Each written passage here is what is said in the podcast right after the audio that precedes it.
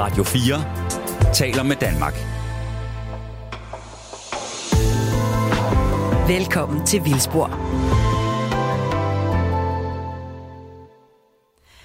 Rigtig glædelig jul, og øh, hjertelig velkommen indenfor i varmen her på naturprogrammet Vildspor. Vi sender i dag sådan en rigtig øh, juleudgave af programmet. Ja, faktisk så er det en særlig juletemaudsendelse af, af den del af programmet, vi kalder Nørdehjørnet. Ja, og vi er jo vidderligt inde i varmen i dag. Det må man sige. Vi har givet Rasmus øh, juleferie, øh, og så har vi snedet os ind i studiet, for at slippe for at stå ude i, øh, ude i den kolde december. Og det er vi virkelig glade for. Vi håber også, I øh, sidder et øh, godt og varmt sted og er med øh, i programmet her.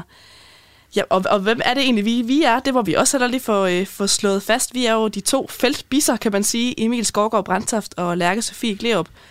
Vi er jo øh, mest at finde ude i felten, når vi, når vi nørder igennem, men vi har som sagt lige stedet os ind i varmen i dag. Og vi er super glade for, at de øh, har valgt at bruge øh, ventetiden frem mod juleaften til at, at lytte til Vildspor sammen med os. Ja, og, øh, og det er jo jul, så jeg har faktisk øh, taget lidt med til os. Jeg har et, øh, et lille glas her med lidt, øh, med lidt hjemmelavet konfekt, som man gerne må gå ombord i.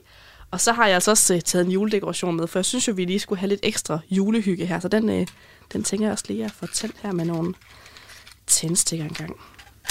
Spændende at se, om røgalarmen den stikker af. Ja, det håber vi ikke. Sådan. Øj, det, det ryger i hvert fald lidt fra der tændstik. Nå, Åh oh, ja, det er hyggeligt. det er super hyggeligt. Jeg tænkte på, Emil, har du egentlig sådan øh, et godt juleminde, som samtidig er sådan lidt øh, naturrelateret? Ja, altså jeg arbejdede jo på et tidspunkt på øh, Naturhistorisk Museum i Aarhus. Mm. Øh, det har jeg gjort i mange år. Og dengang jeg stadigvæk var studentermedhjælper, der, der holdt vi julefrokost på Mols Laboratoriet. Og, og den, den legendariske julefrokost. Ikke den, ikke fordi den specifikke julefrokost var, men det var bare nogle legendariske julefrokoster, der blev holdt på Mols Laboratoriet i dengang. Øhm, og øh, på et tidspunkt, inden rewilding-projektet startede, der var, der var der blevet øh, lavet nogle rydninger derude. Der var nogle områder, der var, hvor der var lidt rigeligt meget ene. Og vi besluttede så, at øh, vi skulle have, noget, have et juletræ.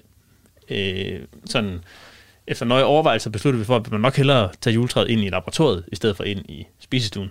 Øh, fordi vi, vi havde besluttet os for at hente en af de ener, der lige var blevet fældet i, i dagene eller ugerne op til, op til juleaften der. Hvor mange øh, snaps øh, var der kommet ind på os, inden den her beslutning blev taget?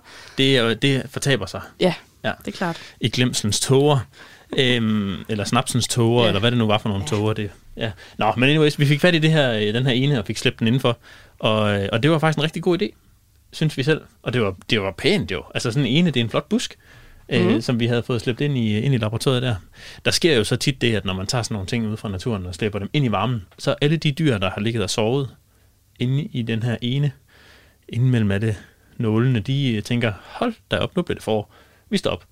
Så i løbet af den første halve time eller en time eller sådan noget, der var der bare dyr overalt i, den der, i, det der, i det der laboratorie der. Det var, øh, det var ikke lige helt hensigt, men altså så fandt vi der ud af, at der kan være ja, der er i hvert fald en håndfuld eller mere slank enebærtæge, for eksempel i, øh, i sådan en ene. Og Der, der var masser, masser af kræ, der overvintrede i den. Ja, så så kunne jeg så forestille mig, at, at festen måske også lidt flyttede, fordi på Naturhistorisk Museum må der jo i og for sig være en del nørder, som, som har styr på, på nogle af de der insekter, der i hvert fald synes, det var lidt spændende, så måske fik, øh, fik festen lige rykket fra, fra den ene del af Mols Laboratoriet til den anden, eller hvordan? Ja, men jeg, jeg tror faktisk, jeg tror faktisk, vi gjorde det, mens der ligesom skulle pyntes op. Så det var inden selve okay. festen. Øhm, og vi ville jo også pynte op, ikke? Så det var derfor, vi skulle have et, et juletræ. Ja. Og det var ikke for at pjekke fra den rigtige oppyntning. Nej. skal jeg lige indskyde. Det kan godt være, der var nogen, der tænkte sådan, hmm, hvad går de og laver derovre på laboratoriet? Ja, vi, Kigger de på insekter igen? ja det gør vi. Nå. Jamen, øh, jeg tænker faktisk egentlig, at sådan noget, sådan noget ene egentlig ret ofte indgår i, i juledekorationer. Måske er det den der art, der måske også hedder blød ene, har jeg i hvert fald stødt på, når jeg har været rundt og luske ude på plantecentrene for at finde ting til juledekorationer. Men det kan være, at vi også lige skal tale lidt om, hvad der egentlig er øh, i sådan en, øh, en juledekoration. Ja, altså jeg kan i hvert fald sige, at den ene, vi havde på Mols Laboratoriet, det var ikke en blød ene. Det Nej, var, det er jo var nemlig det, jeg den, tænker. Den, den ægte stikkende ene. Den er ikke så sjov at arbejde med, når man skal Nej. sidde der og stikke den ned i lær. Nej. Bedre som juletræ. Mm, meget. Men ellers så i, i sådan en, øh, en juledekoration, der kan der også være øh, rigtig mange andre spændende ting. nu har vi jo øh, en med i dag. Den kan vi jo starte med at tage, tage udgangspunkt i. Måske kan vi nærmest sådan dissekere den lidt. Se, hvad den egentlig indeholder. Ja, altså noget af det, man kan finde i sådan nogle dekorationer, det er jo forskellige kogler. Det er øh, øh, eller bær, eller frugter, eller hvad det nu kan være, folk de, øh, de finder på at putte i dem. Mosser. Ja, så det kan jo både være nogle ting, man måske har fundet ude i naturen. Det kan også være noget ude fra, fra haven. Jeg tror også, der er lidt, der er også lidt buks på med den her, og, og sådan lidt af de der stedsegrønne, som ikke er, er deciderede hjemmehørende arter. Men der er faktisk en, øh, en ting, der også tit er i de her juledekorationer, og det er lav.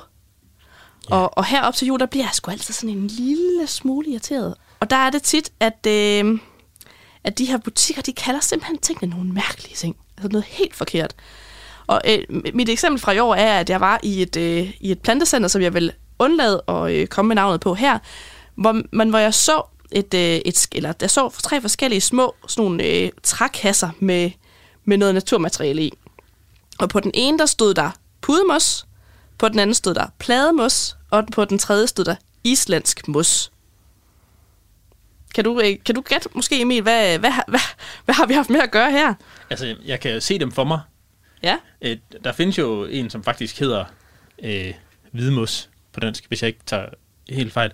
Som er sådan, det er nok den, der bliver solgt som pudemus. Jeg tror, mm. den, den er sådan nogle kugler næsten, og sådan nogle meget fine, runde, runde kugler. Den, den, den er meget flot, faktisk. Ja, det, jeg synes også, den er bestemt pæn. Men det, jeg så kunne de jo have kaldt den hvidmus. Nå, det er heller ikke, det er heller ikke helt, helt der, det, det er sådan, jeg sådan bliver rigtig irriteret, og, og mit, mit blod det øh, begynder at koge. Og det er heller ikke så meget med den der plademos. Jeg tror måske, altså nu, nu er jeg ikke sådan en særlig stor ekspert i mosser, men det lignede sådan en ret klassisk øh, plænekransemos. Altså den, som vi nok alle sammen har, har stiftet bekendtskab med i græsplænen. Men så var der den her tredje, den islandske mos. Det var simpelthen ikke en mos. Det var lav. De havde, taget, de havde en lav, som de kaldte for mos. Ja, og det var forkert. Det er forkert, Emil. Ja. ja, jamen det er forkert, og, og det er jo faktisk ikke, altså, det er jo ikke første gang, det er sket. Nej, nej, og det er derfor, jeg siger, det er sådan tilbagevendende ting, at der godt kan blive sådan en lille smule harm over det. Altså, at man ikke bare kan kalde... Det er jo en grund til, at vi biologer og, og andre sådan naturkyndige har brugt overvis på at øh, klassificere ting og sætte det i system og navngive det. Og, så skal man ikke komme og kalde det mus. Nej. Nå, jeg, så jeg er sådan set heller ikke ekspert i lav, så jeg ved heller ikke, hvad for en type lav det var. Det altså nok noget sådan lidt rensdyr lavagtigt, men, men ja. Men, men nærmere kan jeg heller ikke lige komme det. Øh, måske det er engang en, en dansk art. Det tænker jeg ikke nødvendigvis, det er.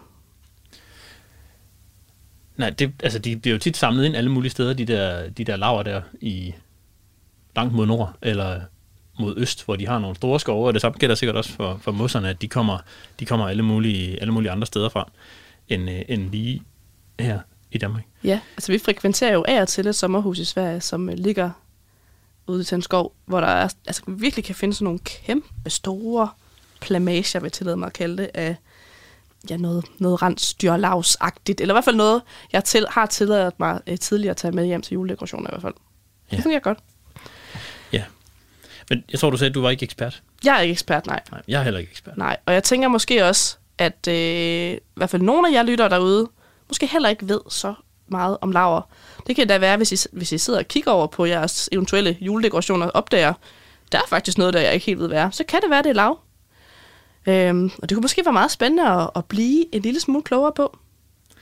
Ja, altså det meste jeg ved om det er, at det er sådan en, en symbiose mellem en svamp og en alge, og at de vokser tit på ting. Mm. Ja, Ja, på sten, Sten eller, eller- træer. Eller, Ja. ja, sådan Ja. noget. Øhm, Men heldigvis så, øh, så kender vi jo nogen, det gør vi. der ved noget om lav. Øhm, og vi har simpelthen øh, spurgt dem, om ikke de kunne tænke, os, tænke sig at hjælpe os med at blive lidt klogere på, hvad det er for noget, det der lav. Så, øh, så vi har sådan set øh, inviteret dem med ud. Det har vi, ja. Øhm, det er et par uger siden. Ja. Midt i, midt i december tog vi lige på en lille tur ud i det blå og grønne, og lidt hvide på det tidspunkt. Øhm, ja.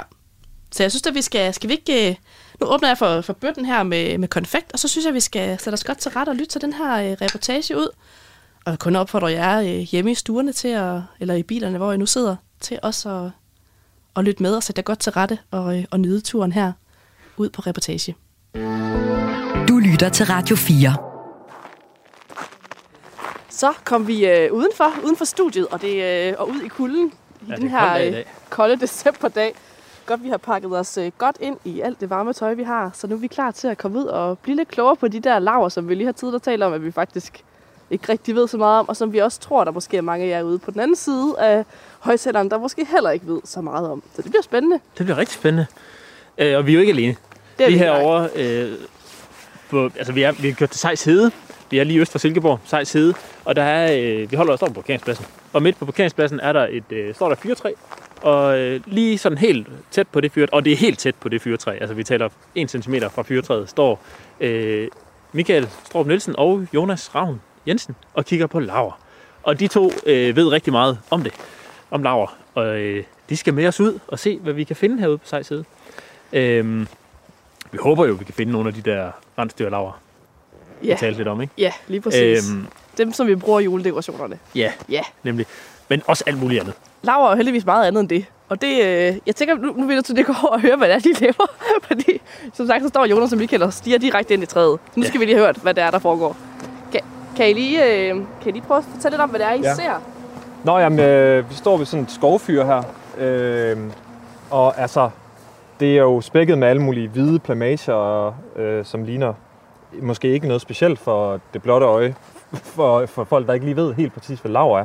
Men vi har, altså, vi har fundet sådan en, en grå plamage, som jeg har let lidt efter. Det er jo det, det er en, en art, som hedder bykantskivelav. Og den hedder kantskivelav, fordi den har sådan nogle frugtlæmer, sådan meget, meget små, runde skiver med sådan en fin kant på. Og det er så der, hvor at, ligesom ved, ved andre svampe, som lav er en form for svamp, øh, så kommer sporene ligesom ud der, så den kan sprede sig. Og den her, lige præcis den her bykantskivlav, er lidt speciel, fordi normalt så var den egentlig meget øh, almindelig inde i byerne. Det hvis man går tilbage til 80'erne, 70'erne og sådan noget, så hvor der var mere øh, fossile brændstoffer, der forurenede, og man ikke havde fået så gode øh, hvad hedder det, katalysatorer på bilerne for eksempel, og øh, der var meget øh, svovldioxid, der ligesom gjorde, at man havde syreregn, så, øh, så var de her laver, de var, øh, de var virkelig, virkelig udbredt. Det var faktisk næsten de eneste laver, man fandt inde i byerne. Øh, fordi at de er super, super, super glade for sådan surt, surt miljø. Øh, I dag er det heldigvis blevet meget bedre med sådan luftforureninger, og man har fået kontrol over det, og så øh, er de flyttet her tilbage til deres oprindelige habitat, kan man sige, som er på sådan et surt fyretræ herude på sådan en, en hede. Øh, så der finder vi øh, bykantskivelav. Så navnet er måske ikke ældet så godt, men, men det hedder den altså. Og sur, når du siger sur bak, er det, så er det... Hvad, han- hvad handler det om det her? Er det fordi, den er vred? Så har den eller sådan en lav pH, kan ja. man sige. Så lidt, så den, den så, så lidt ligesom, ja, jeg ved ikke, hvad ligger pH'en på, Jonas, på sådan noget bark der? Lige under, øh, jeg tror det er sådan øh, omkring 6. Ja, Så man skiller mellem sur bark og øh, mere basisk bark. Man kalder det rige bark. Øh, og det sådan noget mere øh, basisk bark, det er sådan noget, man finder på øh, røn og ask og øh, ahorn og sådan. Der finder man nogle helt andre laver, fordi at det afgør rigtig meget, hvad for nogle arter du finder, alt efter hvad for en pH barken har. Og det samme gælder for jorden også, og det kan vi jo se, når vi kommer ud på heden her bagefter. Vi finder nogle helt specielle laver, som man ikke lige finder i Aarhus. Så det er fedt at komme herud. Helt sikkert. Jamen, fedt. Så er vi i gang.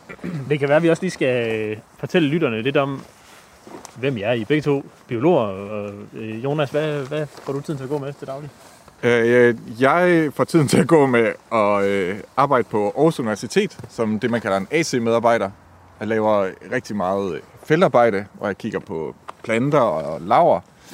Øh, meget sammen med en øh, russisk ekspert i mosser, som I vist har haft øh, med i programmet før, Irina Goldberg. Vi har været, øh, vi har været landet rundt her den sidste feltsæson og kigge på, øh, ja, kigge på planter og laver og mosser. Men, Fedt. og så bruger jeg det meste af min fritid på at kigge på laver. Samle dem ind og mikroskopere dem, og det er en, Det skal vi sikkert også snakke meget mere om, Ja. det der med hele bestemmelsesarbejdet med de her laver. Hvad er det, hvad er det for noget?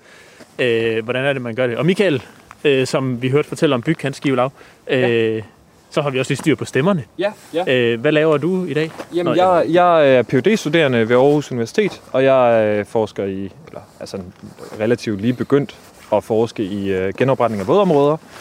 Øh, og jeg, altså, oprindeligt så er jeg virkelig glad for planter og har nørdet det virkelig meget.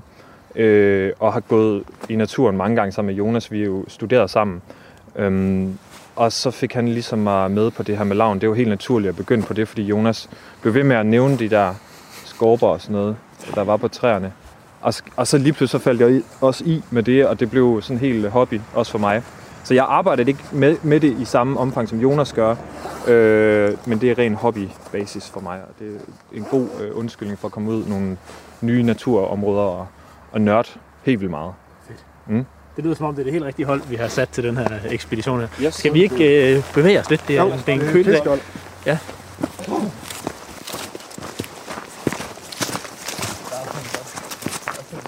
Nu øh, har vi bevæget os lidt væk, fra, lidt væk fra bilen. Det gik i hastigt trav, så vi lige kunne få en lille smule, øh, en lille smule varme i kroppen på den her kolde, men ellers fine øh, decemberdag.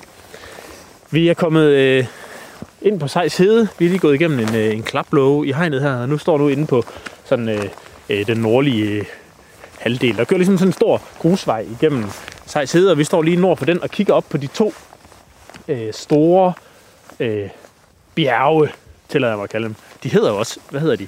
Sindbjerg og Stovbjerg, ikke? Noget af den stil. Noget med bjerg. Noget med bjerg. Det er nogle meget høje, øh, høje bakker, der ligger her på, øh, på Sejs Hede. Øhm, og der skal vi op. Øh, og se, hvad vi kan finde øh, derop. Men øh, Jonas, sådan en hede som det her, hvad er det for et slags økosystem?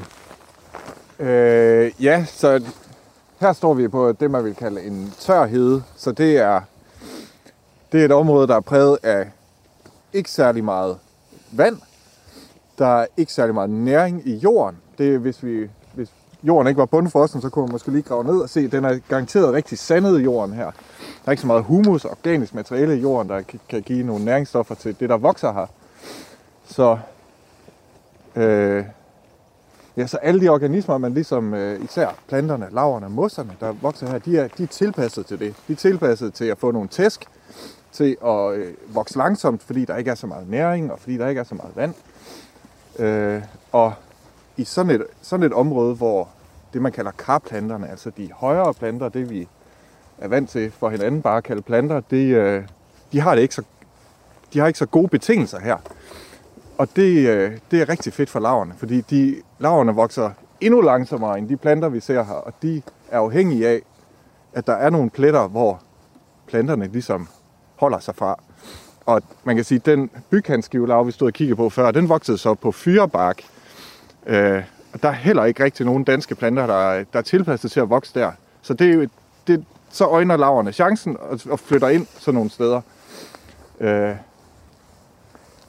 ja, så det er surt, tørt og øh, næringsfattigt. Det er jo det, det er sådan et godt, godt udgangspunkt for, øh, for, noget, for noget spændende natur. For noget spændende lavnatur er det Noget i spændende hvert fald lavnatur. et sindssygt godt udgangspunkt. Men det kan være, øh, det kan være at vi lige skal starte med sådan helt øh, fra scratch. Hvad er en lav? Vil du tage den, Jonas? Jamen, det, kan- det kan jeg godt. Ja, det er sådan i de, de, den helt... Hvis man sådan skærer det helt ind til benet, så er en lav, det er en, øh, det er en art af en svamp, som har øh, slået sig sammen med en alge.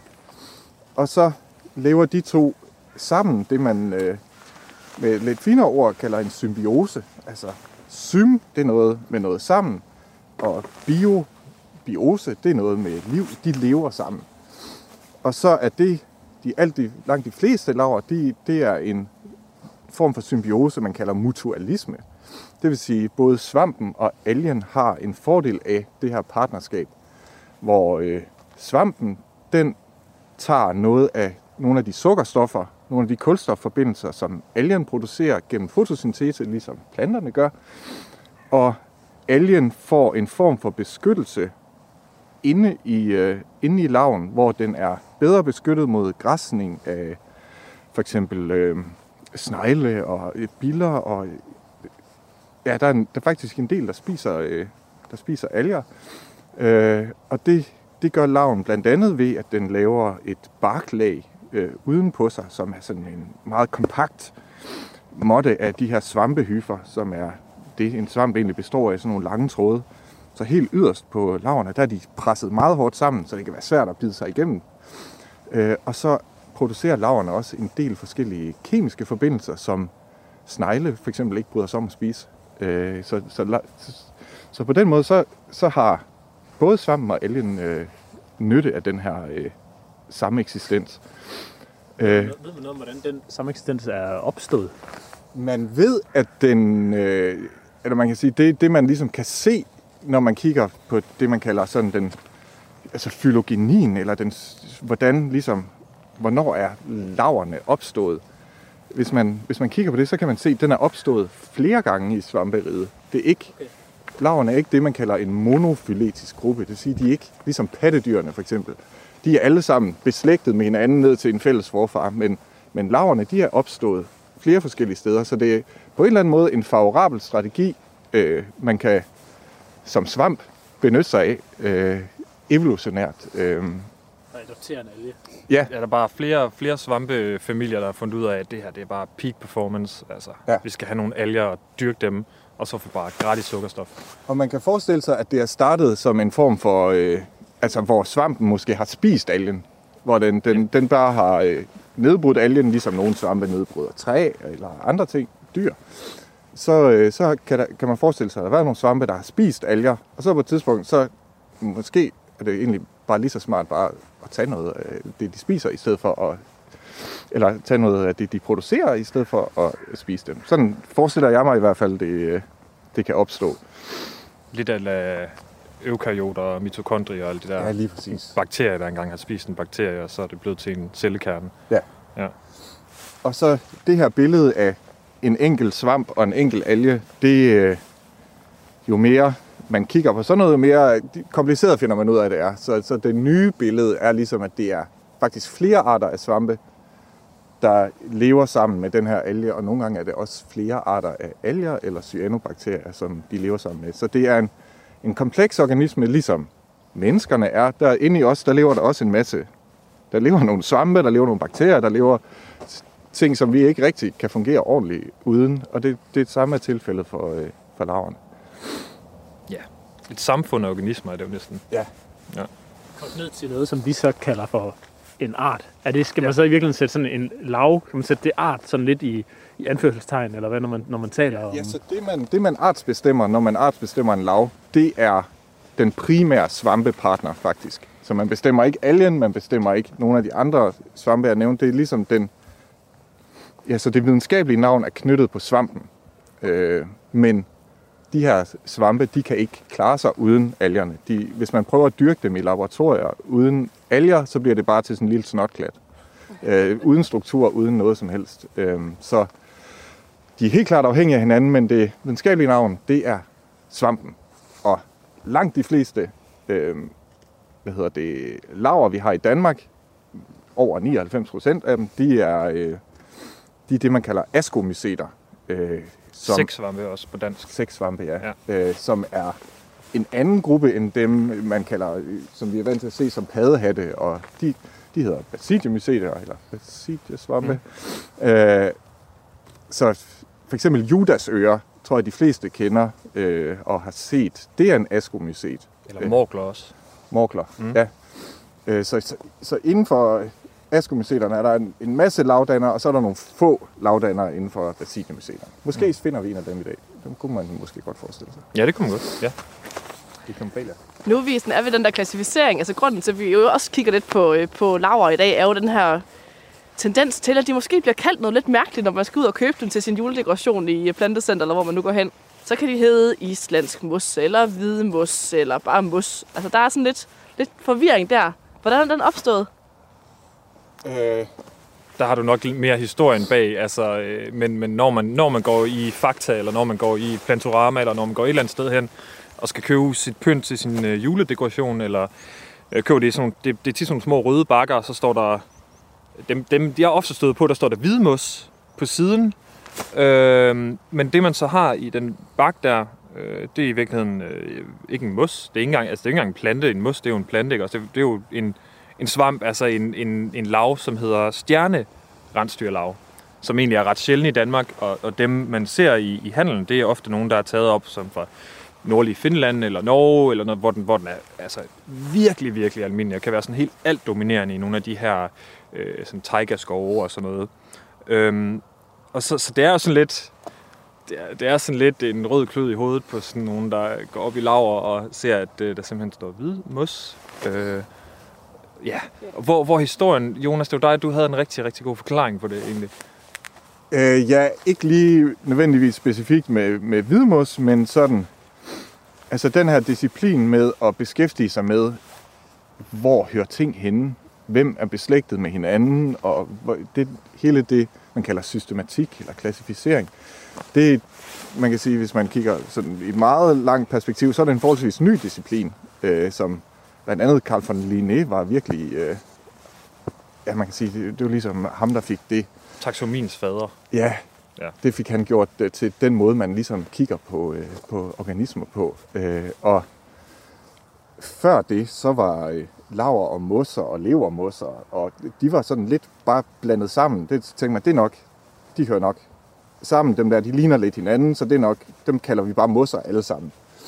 Øh, og så har man så fundet ud af senere hen, at det, det er faktisk et meget forkert øh, billede af det, men det, Det er jo men, øh, det er jo men ikke stadig den måde, som Fakta og øh, ja, alle de andre steder, der sælger de her ting, stadig betragter dem på. I hvert fald. Ja. Så, øh, det, Ja, så mange af de der historiske navne med Islands mos og øh, egemos og sådan noget, hvad de hedder på engelsk, det, det er fordi, at det er, et, det er et navn, de har haft i utrolig lang tid. Og så, som man sige, folke, altså sådan nogle navne, de lever jo kun, fordi folk bruger dem. Øh, og øh, ja, så, så der, kan, der kan tage noget tid før, ligesom det, man, det, det, det videnskaben finder ud af, ligesom bliver bredt ud til, at Mm. det, det er sådan, man, øh, man snakker om den. Og så, sådan nogle, især sådan nogle, øh, hvad hedder de, øh, populære navne, hedder det det? ja, jeg tænkte, ja, Ja, Det danske jeg. navne, eller Danske navne navne, ja. på, på, Ja. på, på, på, hverdagsnavne. ja. øh, de, har, de har svært ved at dø, fordi det er Ja. folk bare vant til at kalde dem. Ja, ja. Men Ja, ja. dø, det skal de, når man kalder stjernerensdyr for hvidmus. Ja, og det er jo ligesom, man skal også give en uh, kasse øl, hvis man kalder en uh, float for en te, eller en, uh, ja. Det bliver en god fest. Og min opfordring har været givet videre, så næste år så køber vi kun lav, når vi er ude og skal købe ind til vores juledekorationer. Så står det rigtigt på alle skilt. Og det, som Michael sagde, så, så, så selvom den er sjælden i Danmark, så er den virkelig, virkelig almindelig. øh, Det er det, man kalder en boreal øh, art. Så, så mm. i, i landene nord for os er den super almindelig, så man skal ikke have, have dårlig samvittighed over. Så, øh, Man skal selvfølgelig passe, passe på, hvis man finder den i Danmark, og, man, ja. Ja. og kan genkende, så pas på, at man ikke ødelægger den. Den, den eksisterer nogle få steder, blandt andet på, i Nordjylland og på Læsø, tror jeg også, der er noget tilbage af den, i sådan nogle, noget man kalder istidsrelikter fra en gang, hvor det var koldere i Danmark, så er der nogle steder, hvor den stadig kan overleve, men den trækker generelt nord på og kommer til at gøre det. Også den er formentlig bare på vej væk fra Danmark, og det er der, simpelthen, ja. det er der ikke noget at gøre ved. Nej. Men, Men, øh, Men masser af den op i Norge. Så tager vi til... Oh, nej, vi tager ikke det. Nej. Øh, Men men vi kan jo vi finde noget andet lidt. rensdyr i dag, kan Ja. vi ikke det? Sagtens. Der er allerede masser. Der er allerede masser. Men øh, Fedt nok. det kan være, at vi skal den vej op, Vi går, tror vi jeg. går lidt igen. Jeg må måske lige indskyde her, ved, ja, at øh, så den øh, hvidmossen, eller særnerensfjerlav, som vi kalder den fra nu af, den øh, på svensk hedder den fönsterlav, som betyder vindueslav. Og det er simpelthen fordi, at øh, før man fik termoruder, så kunne man godt have sådan et dobbeltlag vindue, altså to ruder af glas ved siden af hinanden med noget luft imellem, der ligesom har en eller anden isolerende effekt. Men inde i sådan et hulrum der, så kan der komme en masse fugt, som gør, at ruderne dukker. Og så gjorde man simpelthen det, øh, i gamle dage i Sverige i hvert fald, at øh, så tog man noget af den her fönsterlov og lagde ind imellem de her to glasplader, når man lavede vinduerne, fordi at laver, de er det, der hedder, og det er et ord, jeg er meget svært ved at udtale, men de er poikilohydriske, som betyder, at de, øh, de står i ligevægt med øh, vandmætningen i luften. Det vil sige, at hvis der er tør luft, så er laven tør. Hvis der er fugtig luft, så er laven fugtig. Så de kan suge øh, vand ud af fugtig luft. Det vil sige, at den her fønsterlov, den lå så derinde, så når der kom høj luftfugtighed, så sugede laven den, så man undgik øh, de her dukkede ruder. Så øh, den har mere end én anvendelse. Så både juledekorationer og øh, vinduesafugter. Øh, affugter. Lige præcis.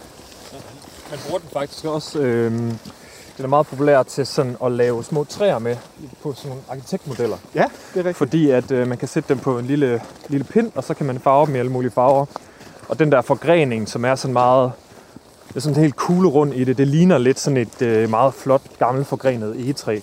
Øh, så de, øh, de er også meget sjove til at lave sådan miniatyrlandskaber. Så begynder der at ske noget. Ja, hvordan, hvordan går I til opgaven, når man sådan, øh, skal ud sådan et sted her og kigge på, på laver? Hvad, hvad, hvad, hvad kigger I efter? Hvad er det, I, øh, der springer i øjnene på jer? Altså, øh, det, øh, det mest interessante, i hvert fald når det, vi er på en hede som det her, så er det jo fedt at kigge efter de mest ekstreme pletter. Og det er ikke sådan som udgangspunkt, det er, hvor der er helt overgroet med lyng.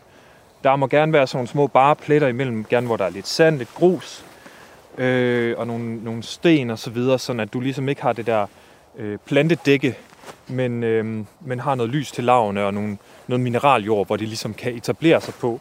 Fordi de er som, som sagt det der med, at de, de kan rigtig godt lide der, hvor der ikke er planter. Der har vi de ekstreme miljøer, og der kan de ligesom få lov til at gro stille og roligt og langsomt, uden at blive udkonkurreret. Øh, og det har vi lidt af her. Der er godt nok en del mos, men øh, må ikke vi kan finde noget rensdyrlav et eller andet sted. Er over, det er over det hele. Så den, så den her rensdyrlav her, øh, er den mest almindelige i Danmark. Det er den, der hedder hederensdyrlav, og øh, det er nok den, de fleste kender. Øh, den øh, er jo også ganske fin til juledekorationer, men den, er ikke ligesom, den har ikke den der kuglerunde form, som stjernerensdyrlav har. Jeg har faktisk, jeg har faktisk snydt lidt hjemmefra, jeg har taget noget med. Øh, vi prøver at se, kan vi da i hvert fald lige sammenligne fordi den er altså ret, ret flot. Mens du lige finder den frem, så kan jeg også lige tilføje, at øh, hederensdyrlav er jo en af de udvalgte arter i 99 arter, se før du bliver voksen. Oh, ja. Øh, det her øh, formidlingsprojekt, som Naturhistorisk Museum øh, har kørt med over de sidste par år, hvor det gælder om at finde øh, 99 arter. Hvor mange inden man laver bliver er med på den? To. To Det er styks. to, det er den, og så er det almindelig vækkelav, er det ikke den? Yes. Men prøv at se, så, så den her, ja, den her, den har jeg så fundet op i Norge, ikke? Og øh, den groede bare på sådan, sådan tæt pude. Den har mere sådan, den er godt nok død, så det er derfor, den øh, ser meget hvid og kedelig ud. Men ellers så havde den været sådan nogenlunde samme farve som, som hederensdyrlaven her. Den har så meget mere rund, øh, kuglerund form øh, i toppen, nærmest som sådan små snebolde. Mm. Og, øh, og ligner lidt sådan, når man tager den op, så ligner den lidt sådan et, et, et træ simpelthen. Og grunden til, at den, hedder, den her hedder stjernerensdyrlav, altså den vi bruger i juledekoration, det er fordi den, dens forgreninger, de ender ud i sådan en lille, sådan en lille stjerne, simpelthen. Øh, lidt ligesom sådan en lille eksplosion. Så øh, de, er, øh, de er virkelig fine og nemme nok at genkende, når man endelig finder dem. Men øh, nu ryger jeg lige tilbage der. Boksen igen. Der er mange spændende ting nede i den boks der. Det kan være, vi skal Ja. kigge lidt nærmere på den Jeg, jeg, lidt tager, senere. jeg tager den her boks frem, øh, når vi kommer op til en af stenene deroppe. Tænker hvis vi finder det, jeg håber på, vi finder. En lille teaser. nu vi Ja, det var det, Ja. ja. til senere. Og den her, den her rensdyrlav, som, øh, som, som Lærke lige udpegede for et, øh, for et øjeblik siden, er det også hederensdyrlav? Jeg synes måske, den er sådan lidt, Ja. lidt tættere og lidt mere kompakt end den. Det er også du hederensdyrlav. Mange, altså sådan, mange af de andre rensdyrlaver, i Danmark i hvert fald, der vil man, t- fordi hederensdyrlav, de har det også med at pege i alle mulige retninger med deres små grene. Øhm, og den kan også godt ligne øh, stjernerensdyrlav ret meget.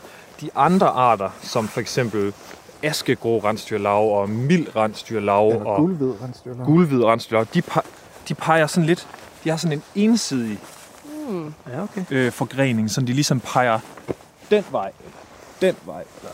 Men, øh, Så men de er ligesom enige om det. ja, præcis. Alle grenene, de skal bare lige den vej. Ja. Og det var den, du fandt der, Jonas? eller? Ja. Den hed. Så nu er lige, øh, det her det er enten øh, gulhvid rensdyrlav eller mild rensdyrlav. Hvis man vil være, jeg tror det er gulhvid, men hvis man, man- vil være helt sikker, så skal man bruge et øh, Er kemikalium, det der hedder... eller hvad? Nej, så, øh, det er arbuscula mitis.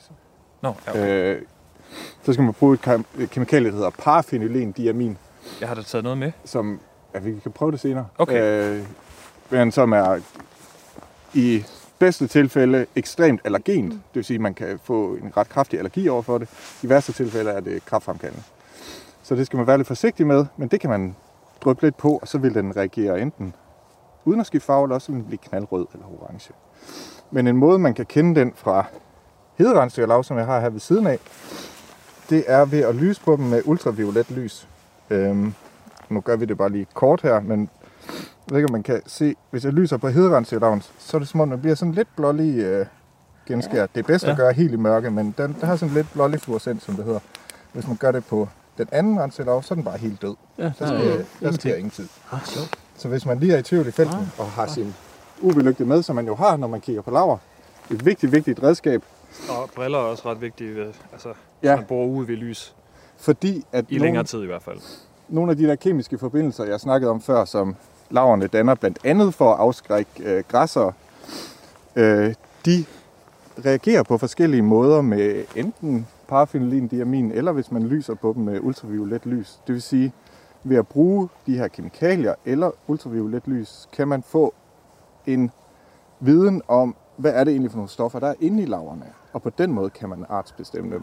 Så det er sådan en en måde at artsbestemme på, som man slet ikke bruger med planter eller øh, biler, eller faktisk ikke så mange andre organismegrupper. Lidt svampe. Lidt svampe, ja, Ja. ja. Men det, og der er lidt et overlap med de kemikalier, vi bruger, men det, Ja. ja. det er faktisk overraskende lidt, vil jeg sige. De bruger ikke sådan, så vidt jeg ved, parafenolin-diamin. Øhm, vi bruger Ja. ja. det en gang imellem. Det er faktisk utroligt effektivt.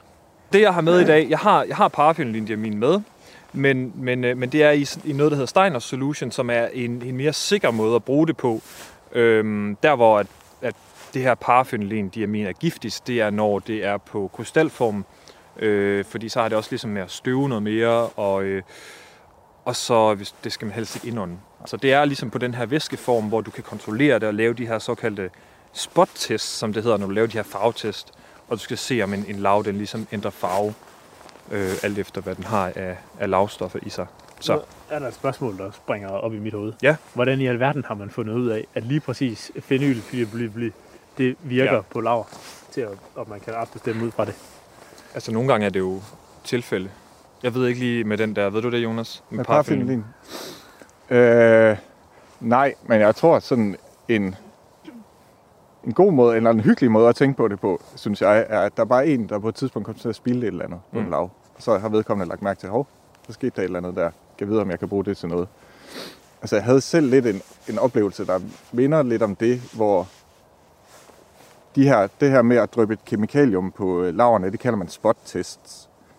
Så efter jeg havde lavet en spot-test på en lav, så lyst kom jeg til at, så skulle jeg lige tjekke UV-reaktionen på laven, men så kunne jeg se, at den plet, jeg havde lavet med det kemikalium der, den lyste på en anden måde. Øh, og så gav jeg mig til at bruge forfærdelig lang tid på at finde ud af, hvordan reag- er der andre spot-tests, jeg kan lave, som også lyser på en måde, og måske kan jeg bruge det til at finde ud af noget. Og så tænkte jeg, nu har jeg, nu har jeg fundet et, et super vigtigt bidrag til likenologien, og så gik jeg ind og googlede det, og så for et halvt år siden, dengang jeg lavede det, var der en gut i England, der havde gjort præcis det samme. havde fundet ud af, at det var faktisk en super anvendelig måde, især til nogle bestemte stoffer, der kan være svære at se forskel på. Så jeg tror på tilfældet med ja. det her, og så har der selvfølgelig været nogle kemikere involveret senere, som ved, som kan sige, okay, det her stof, den her lav laver, det er den og den type øh, forbindelse. Måske reagerer det med øh, et eller andet. Så jeg tror, at især der er nogle japanske forskere, der har været virkelig, virkelig gode til at øh, ja, brede den, det her hele kemidelen af øh, likenologien Mm. øh, mere ud. Ja. Vi skal virkelig bare til at spille nogle flere kemikalier, når vi har siddet med lavene. Ja. Det bedste at gøre derhjemme, Ja. Helt enig. Kontrolleret forhold Ja, ja. og øh, Ja. udsugninger. Og... Skal vi gå lidt opad? Ja, gør det. Du lytter til Radio 4. Altså, det er af og til, når man går på sådan en hede, så er det faktisk nogle af de fedeste fund, man laver på de her gamle, især hvis de har fået lov til at stå i lang tid, de her gamle egestolper med Naturstyrelsens skilte på og sådan noget. Øh, fordi de er, de er ofte ubehandlet med noget, overhovedet ikke øh, tryk øh, imprægneret. Og, øh, og så kan der gro, altså på den her, ja, det ved jeg ikke, der er vel 20 arter i hvert fald, af, af laver, alle mulige former for kantskivlaver. Øh, Og ofte finder man de der små nålelaver, som har sådan nogle små... Det ligner som små knapnålshoveder. Der kan godt være nogle ret sjældne nogle af dem. Men den er ikke sådan helt vildt gammel endnu, så det er sådan mest de første arter, der kommer til her. Der er også noget af den her rynkede skålelav, som nok er den mest almindelige lav overhovedet i Danmark. En af dem i hvert fald. Så. Men sådan nogle gamle stolper, hegnspæle og klaplåger og sådan noget, de er virkelig fede at kigge på, hvis de har stået i lang tid. Ja. Jeg, jeg får lyst til at opfordre til det civil ulydighed, når jeg ser det her skilt, Ja. hvor der står, undgå slid på terrænet, benyt venligst trappen. Og når. Ah. man står på sådan et hedeareal her, og kigger ud over det, så tænker jeg, at det trænger virkelig til noget slid. Ja, ja. Altså, I har lige fortalt om, hvordan de der steder, hvor man finder de spændende laver, det er der, hvor lyngen ligesom er slidt væk, og der er hul ned til den bare jord og sådan noget, ikke? Fuldstændig. Og, Der, det og, og, og det, de opstår jo ikke ud af sig selv, de der huller der. Det er jo der, hvor der er nogen, der slider på terrænet. Ja. Så hvis man skulle lige opfordre til en lille smule civil ulydighed her i, i bedste sendetid juleaften, så synes jeg, at I skal gå ud på sej side og gå uden for stierne. Jeg synes også bare sådan, for det her det er jo sådan en halv meter høj lyng, og så har du en sti lige ved siden af. Der, man skulle i virkeligheden bare more igennem det her, det her lyng her. Herhen er et ret godt eksempel på, hvorfor. Hvis man kigger her, så det jeg lige faldt over først, det er det her nede, som er i virkeligheden et ret fint udviklet hedelavsamfund, hvor der måske er små 10 arter af... Ja, så det skulle vi måske også lige have med. Øh, øh rensdyrlaverne og det, man kalder bægerlaverne, de er super nært beslægtet. Og bægerlaverne kender folk måske med, det ligner sådan nogle små trompeter. Små, små grønne trompeter, der øh, stikker op af jorden.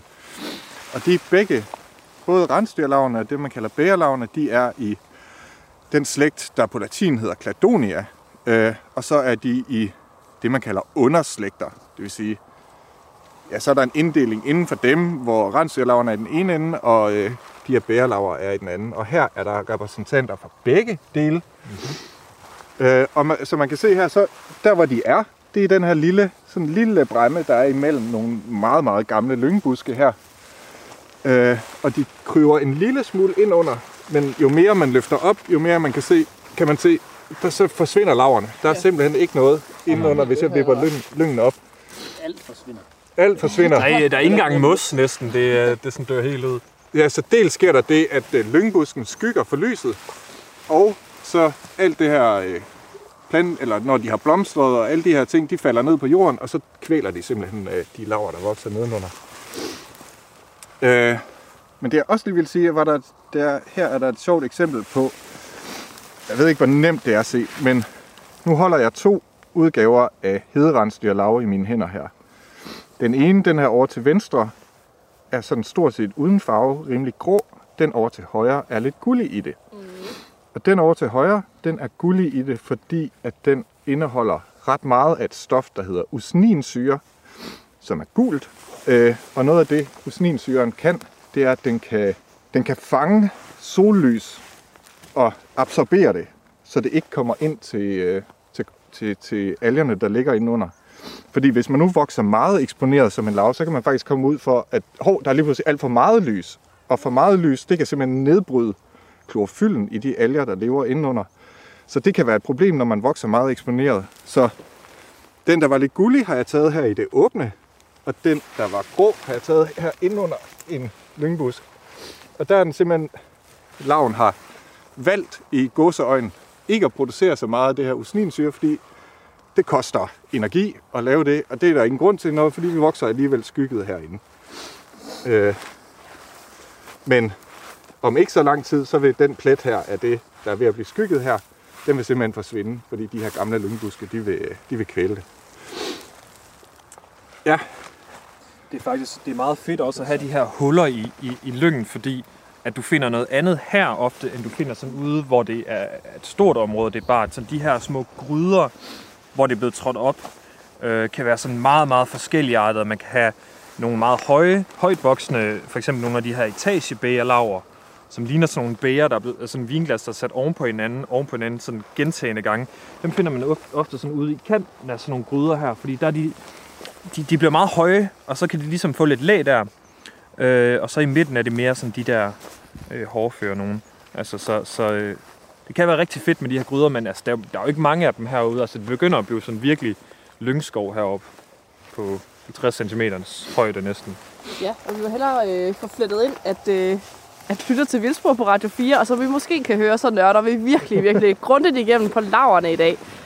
Øh, og udgangspunktet er, at laverne, de øh, faktisk tit optræder i juledekorationer, måske også i jeres egen derhjemme. Og dem skal vi altså lige blive lidt klogere på i dag. Og vi er øh, på Sejs Hede på vej op på, øh, ja, enten Sindbjerg eller Storebjerg. Jeg ved faktisk ikke, hvad for det er, men vi er på vej op på et bjerg. Jeg kan også se Himmelbjerget i, øh, på, i baggrunden herovre. Men her kan man også godt se, øh, som Jonas startede med at fortælle om, hvad heden er for et, et sted. Ikke? Det er jo simpelthen på det rene sand, det her. Der hvor vi går ned igennem den her sti her. Selvom det er bundfrossen sand, så er det øh, dog sand. Ja. Er du blevet klogere indtil videre, Emil, på laver? Ja, det, det må man sige er. Øh, og øh, det kan godt være, at øh, jeg også er nødt til lige at høre programmet igen for, Ja. For at få det hele med. Ja. Det kan vi jo så opfordre til. Man kan jo altså altid lytte på podcast, hvis man sidder og hører det i flow lige nu. For eksempel har jeg lært, at hvis man gerne vil finde laver på en hede, så skal man gå efter sådan nogle områder herovre. Man kan godt bare se, at det bliver mere og mere, altså bliver mere og mere lavdækket og divers, når man kommer op på det der åbne bakketop her. Det er bare lidt federe. Man skal måske lige indskyde, at det der med forstyrrelser, det er jo, det er jo i virkeligheden et, det er et svært emne, eller det, det er en svær balance, fordi laverne vokser, som jeg vist også fik sagt tidligere, de vokser ret langsomt. Øh, men de er afhængige af de her åbne pletter.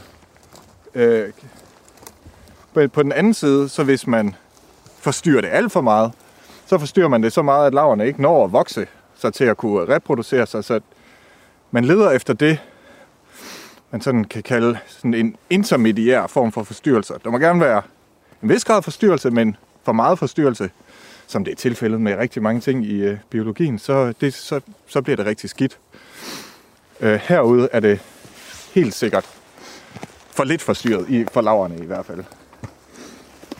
Man kan måske sige, forstyrrelse, det er jo mange ting. Det er jo, det er jo både ild, og det er græsning, og det er det, at vi træder på jorden, og det kan også bare være sådan noget vand, altså bølgeskjulp, og der er nogle laver, der lever i sådan tidevandszoner og sådan noget.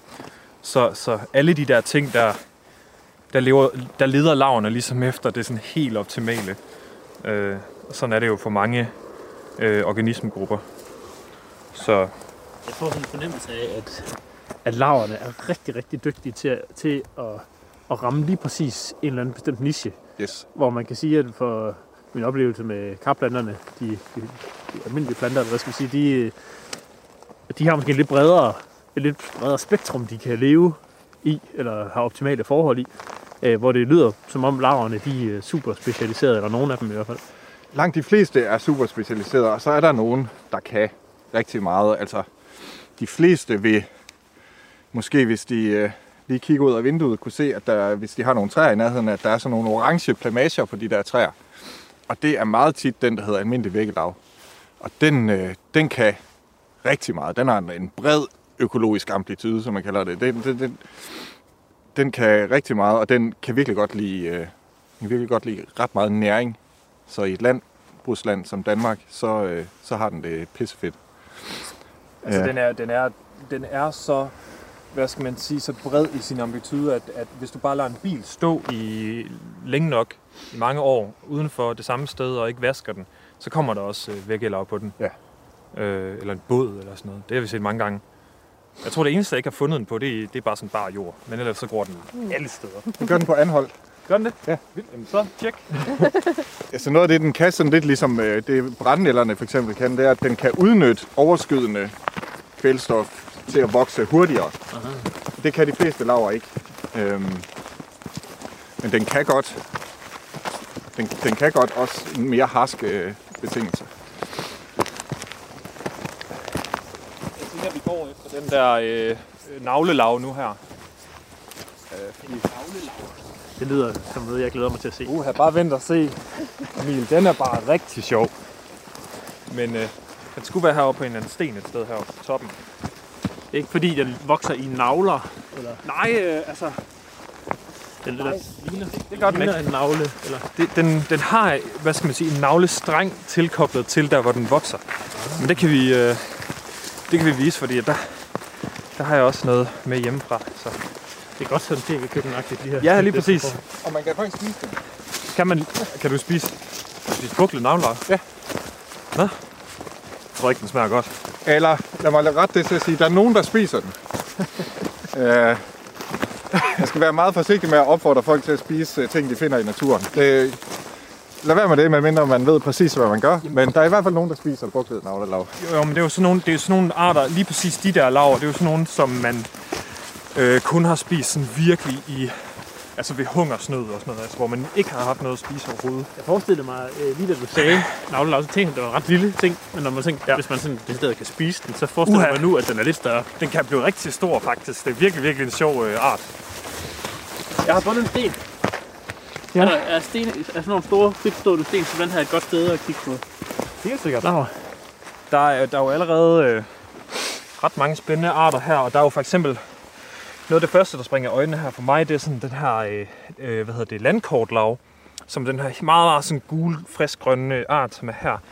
Og altså, den gror sådan lidt spredt på stenen her, men, men normalt så, så kan den gro på en måde, hvor den ligesom laver sådan noget, der ligner et landkort faktisk. Øh, Ja, og- fordi den har det der sorte... den har nemlig sådan en sort rand, noget man kalder protalus, som ligesom sådan creeper ud. kommer ned i niveau, så Og så, og så, øh, og så kommer det, ej, nu skal jeg lige se, om det er... Øh, Lecanorinum. ja, det er Lecanorinum, den her, så. Altså, det er den, der hedder kravlandkortlav. Ja, og der findes mange arter af landkortlav. Nogle af dem er grå, og det kan også godt være, at der er nogle af dem et eller andet sted. Øh, men, men, men den art, det er en af dem, man, altså man kan faktisk kan datere efter. Hvis du har sådan et, et talus, som man siger, øh, det, er, det er et, et lema, altså man kan sige, det er et, et individ, som gror ud fra midten af, og så gror stille og roligt- roligt ud øh, i periferien, så, øh, så kan du faktisk se, hvor, hvor gammel den er, fordi at den gror, jeg tror måske, den her, det er sådan en halv millimeter om året, eller sådan noget i diameter. Det er ikke noget af den stil, Jonas. Jo, i hvert fald så er det, det er en af de... Både kravlandkortlav og en af den snære slægtning, øh, der hedder guldgrøn, måske. Ja, gulgrønland godt. Ja. Lav. ja. Det er, Grafikum. det er nogle af de laver, hvor vækstraten, som man kalder det, hvor hurtigt vokser de, den er, ja. den er meget velstuderet. Fordi man blandt andet kan bruge det til, når, når en gletsjer trækker sig tilbage, og hvis den har gjort det for længe siden, så er det svært at sige, hvornår blev det her land egentlig åbent. Mm. Men så ved man, at de her laver, de koloniserer sådan i et geologisk perspektiv ret hurtigt, måske inden for 10, 20, 30, 40 år. Øh, og så ved man cirka, hvor hurtigt de vokser, så hvis man kommer ud i et område og tænker, her har været en gletsjer på et tidspunkt, kan vide, hvornår den forsvandt herfra, så kan man bruge laverne til mm. at øh, i hvert fald få et få indsnævret mulighederne for, hvor, øh, hvor længe siden det har været. Hvor gammel kan en lav blive?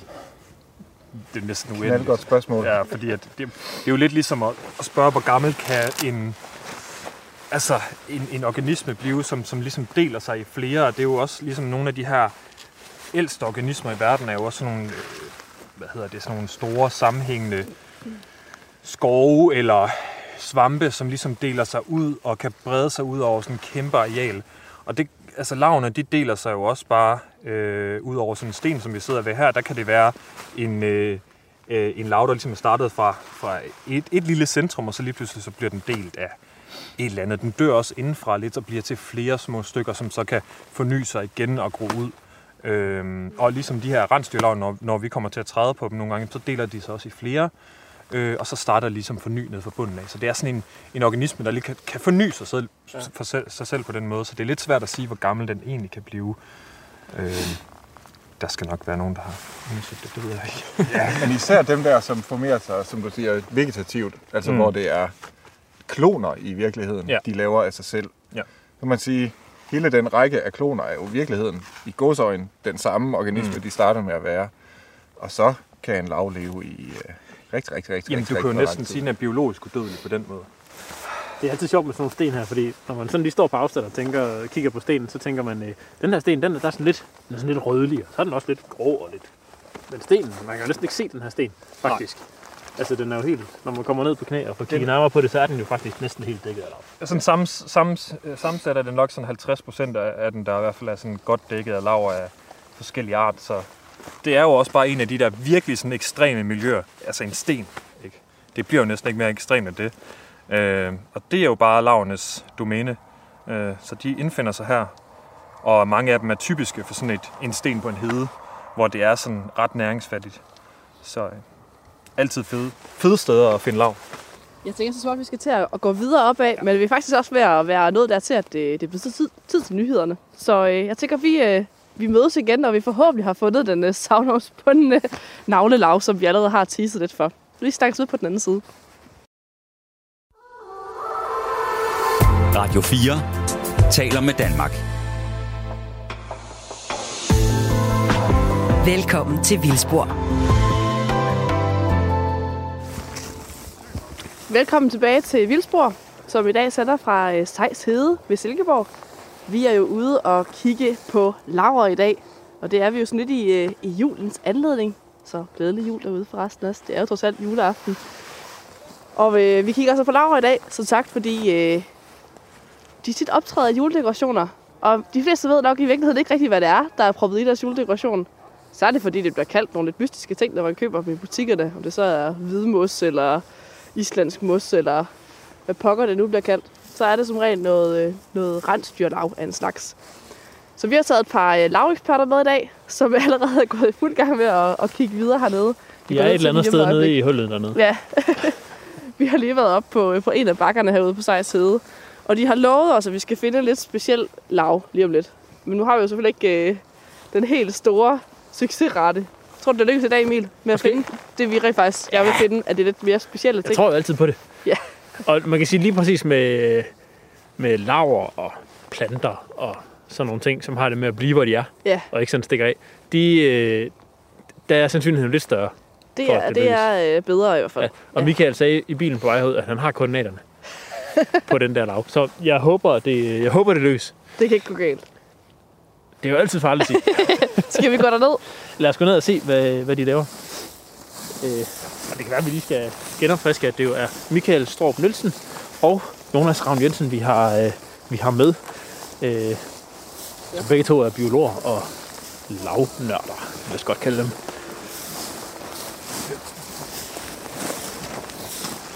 Nu kommer vi og spørger jer, om I har fundet noget.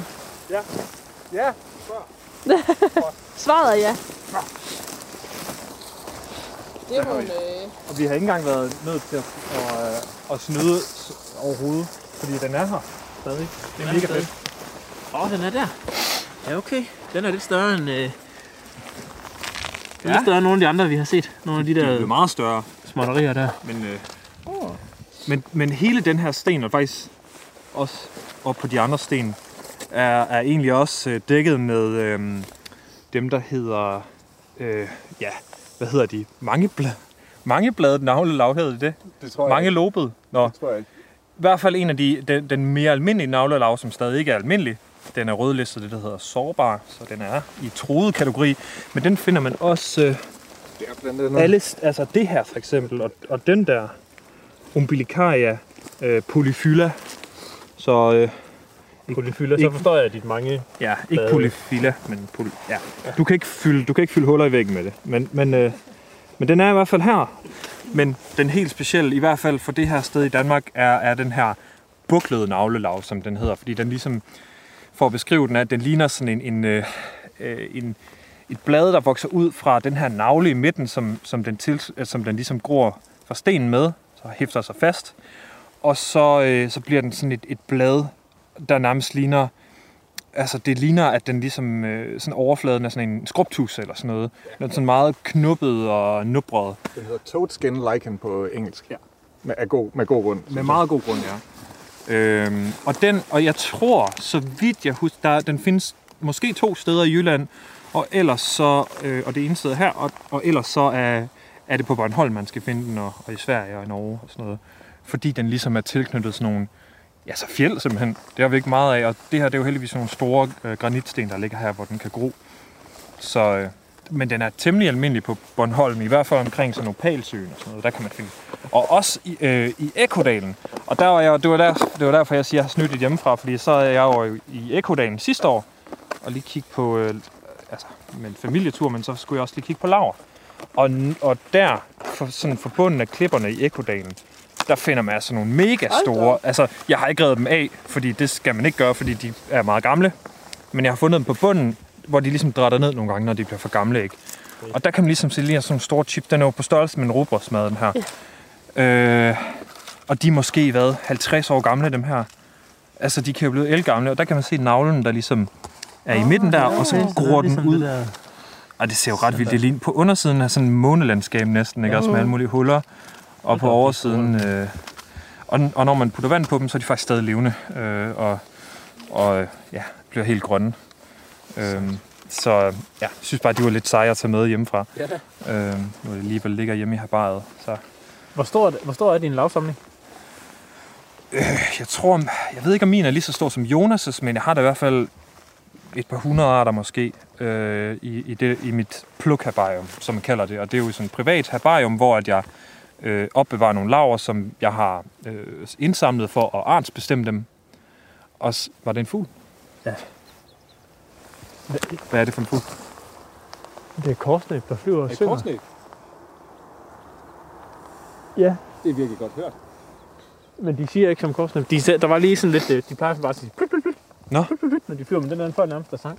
Jeg tror aldrig, meget jeg har hørt korsnæb før. Nå.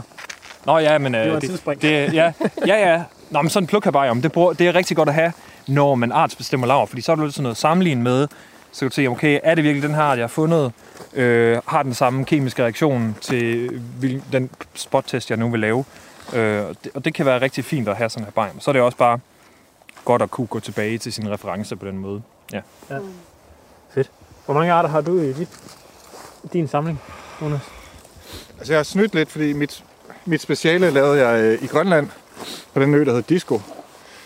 Så der er en del arter derfra. Øh, jeg tror sammenlagt har jeg 300-400 arter. Øh, men det... men det er, det, er, det er lidt snyd, og det er... Altså, vi har jo omkring 1000 arter af laver i Danmark. Men hvis man sådan vil, hvis man vil se dem alle sammen, så, så tager det noget tid, fordi rigtig mange af dem er virkelig små, og rigtig mange af dem tager i hvert fald til en begyndelse, tager rigtig lang tid at artsbestemme. Så altså, jeg ved ikke med Michael, men jeg har siddet med nogle af de laver, jeg har siddet med i længst tid, sådan af effektiv tid. Jeg har siddet med dem er måske 20-30 timer, hvor man sidder under mikroskopet, laver kemi, kigger i bøger, frem og tilbage.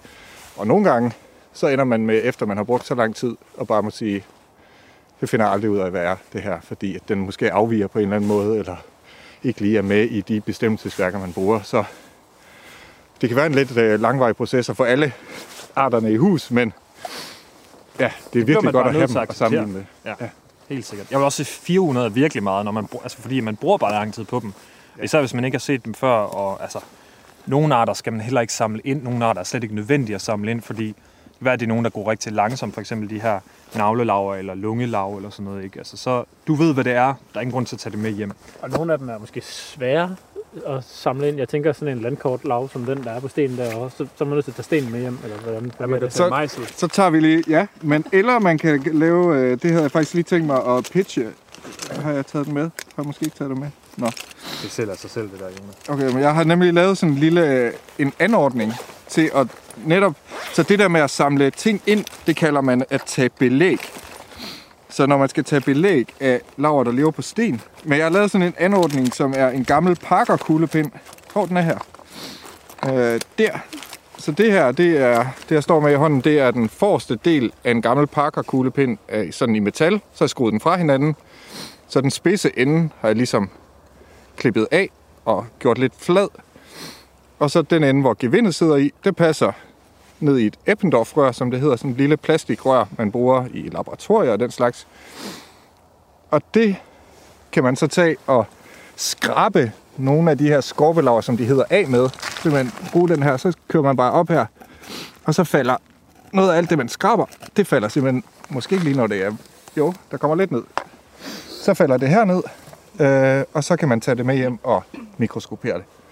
Og når det er, Sejt. så bliver det sådan noget smulder her, så er man nødt til at tage det og tage lidt superlim og lime det fast på noget, så man kan skære i det og sådan. Så det, ja, det, det kan tage lidt tid, men øh, Det lyder som om, der er hygge til mange vinteraftener. det, er- det er der. Det er måske også ved at udvikle sig til sådan et større udstyrstykke, det der med at kigge øh, på laver, selvom de jo er ret små, så kræver det lidt mange ting, synes jeg efterhånden. Altså, øh, vi har været omkring lupen, vi har, nu har vi sk- skraberedskabet, Vi har snakket om kemikalier, som du også står med i, Og øh, i hånden her. også. Og UV-lygten. Ja. Altså jeg vil sige, for en, for en begynder, hvis man nu hører det her program og tænker, Laura, den vil jeg gerne lige give en chance, så, øh, så er, man kan sige, at begynderudstyr, der er vigtigt, det er sådan en botanikerlup, som de fleste af biologer har i hvert fald, men dem kan man købe alle mulige steder, øh, så man ligesom kan se, hvad det er, man står med i felten. Og hvad taler vi der? Er- Er 10 gange nok som sådan af de der standarder, eller skal man op på 20, eller hvordan? Altså jeg, jeg er mest til 20, men nogen bruger 10. Det kommer lidt an på, øh, dels jeg- hvorfor nogle grupper man kigger på. Jeg bruger kun 10, men altså, du kigger også på nogle meget mindre laver, end jeg gør, som du ja, næsten skal have 20 for at se. Men de fleste kan du godt nøjes med 10, og det, det er en god øh, startlup i hvert fald, Ja. som ikke er så dyr. Og så, hvis man, så har man sin lup, og så de fleste mennesker har lidt afløbsrens stående derhjemme, og de har lidt klorin stående derhjemme. Og de to ting bruger man, øh, ligesom det parafenylin, vi snakkede, øh, parafenylin diamin, vi snakkede om før, så bruger man klorin og afløbsrens til de her spottest. Og det er klart de mest almindelige spottest, dem, dem man bruger flest gange.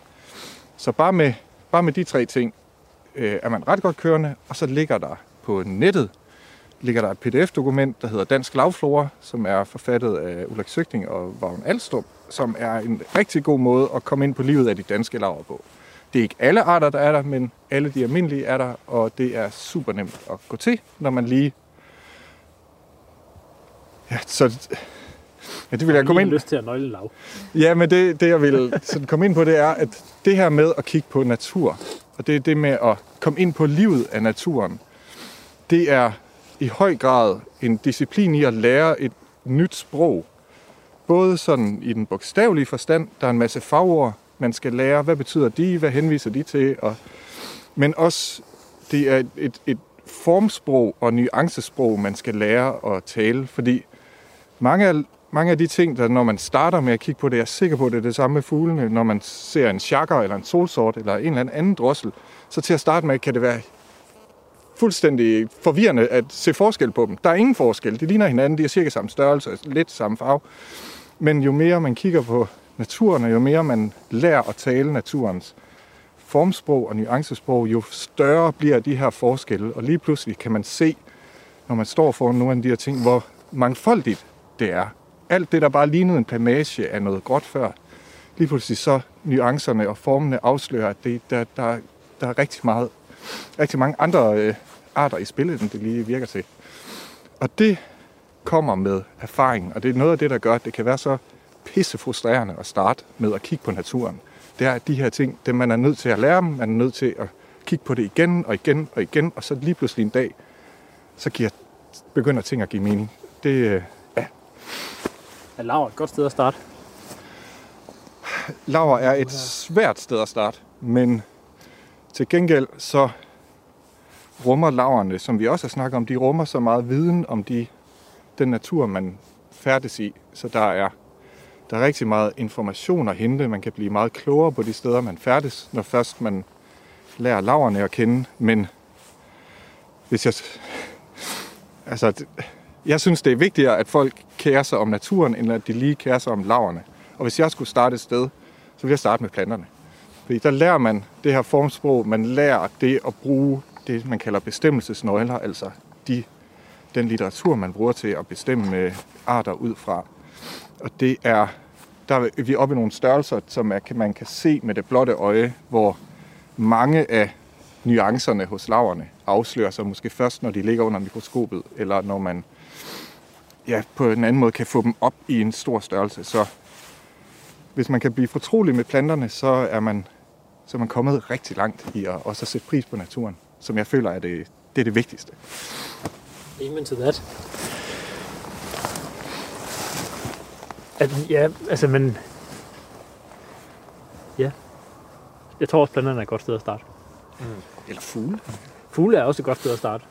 Øh, sommerfugle kan også være et godt sted at starte. De, har, de, har sådan, de der grupper har det til fælles, at man kan næsten ikke komme afsted med at bevæge sig nogle steder, hvor de ikke er. Mm. Altså, det gælder også for naverne, har du Ja, jo set demonstreret. Ikke? Der er naver alle steder, ikke? men planter er der alle steder, fugle er der alle steder, sommerfugle er der også til del. Hvis der er nogle blomster, så kommer der nok også en kålsommerfugl eller en eltakvinge forbi på et tidspunkt. Mm. Og, og det er jo meget det der, tænker jeg, med, med tilgængeligheden, og der er noget. Mm. Og så gør det heller ikke noget sådan for, at der er sådan et øh, entry level, hvor det, hvor det er, hvor det er sådan rimelig nemt at komme i gang, tænker jeg, i forhold til det med, med at kaste ud i det. Og der tror jeg, at nogle af de grupper, der er, er gode steder at starte.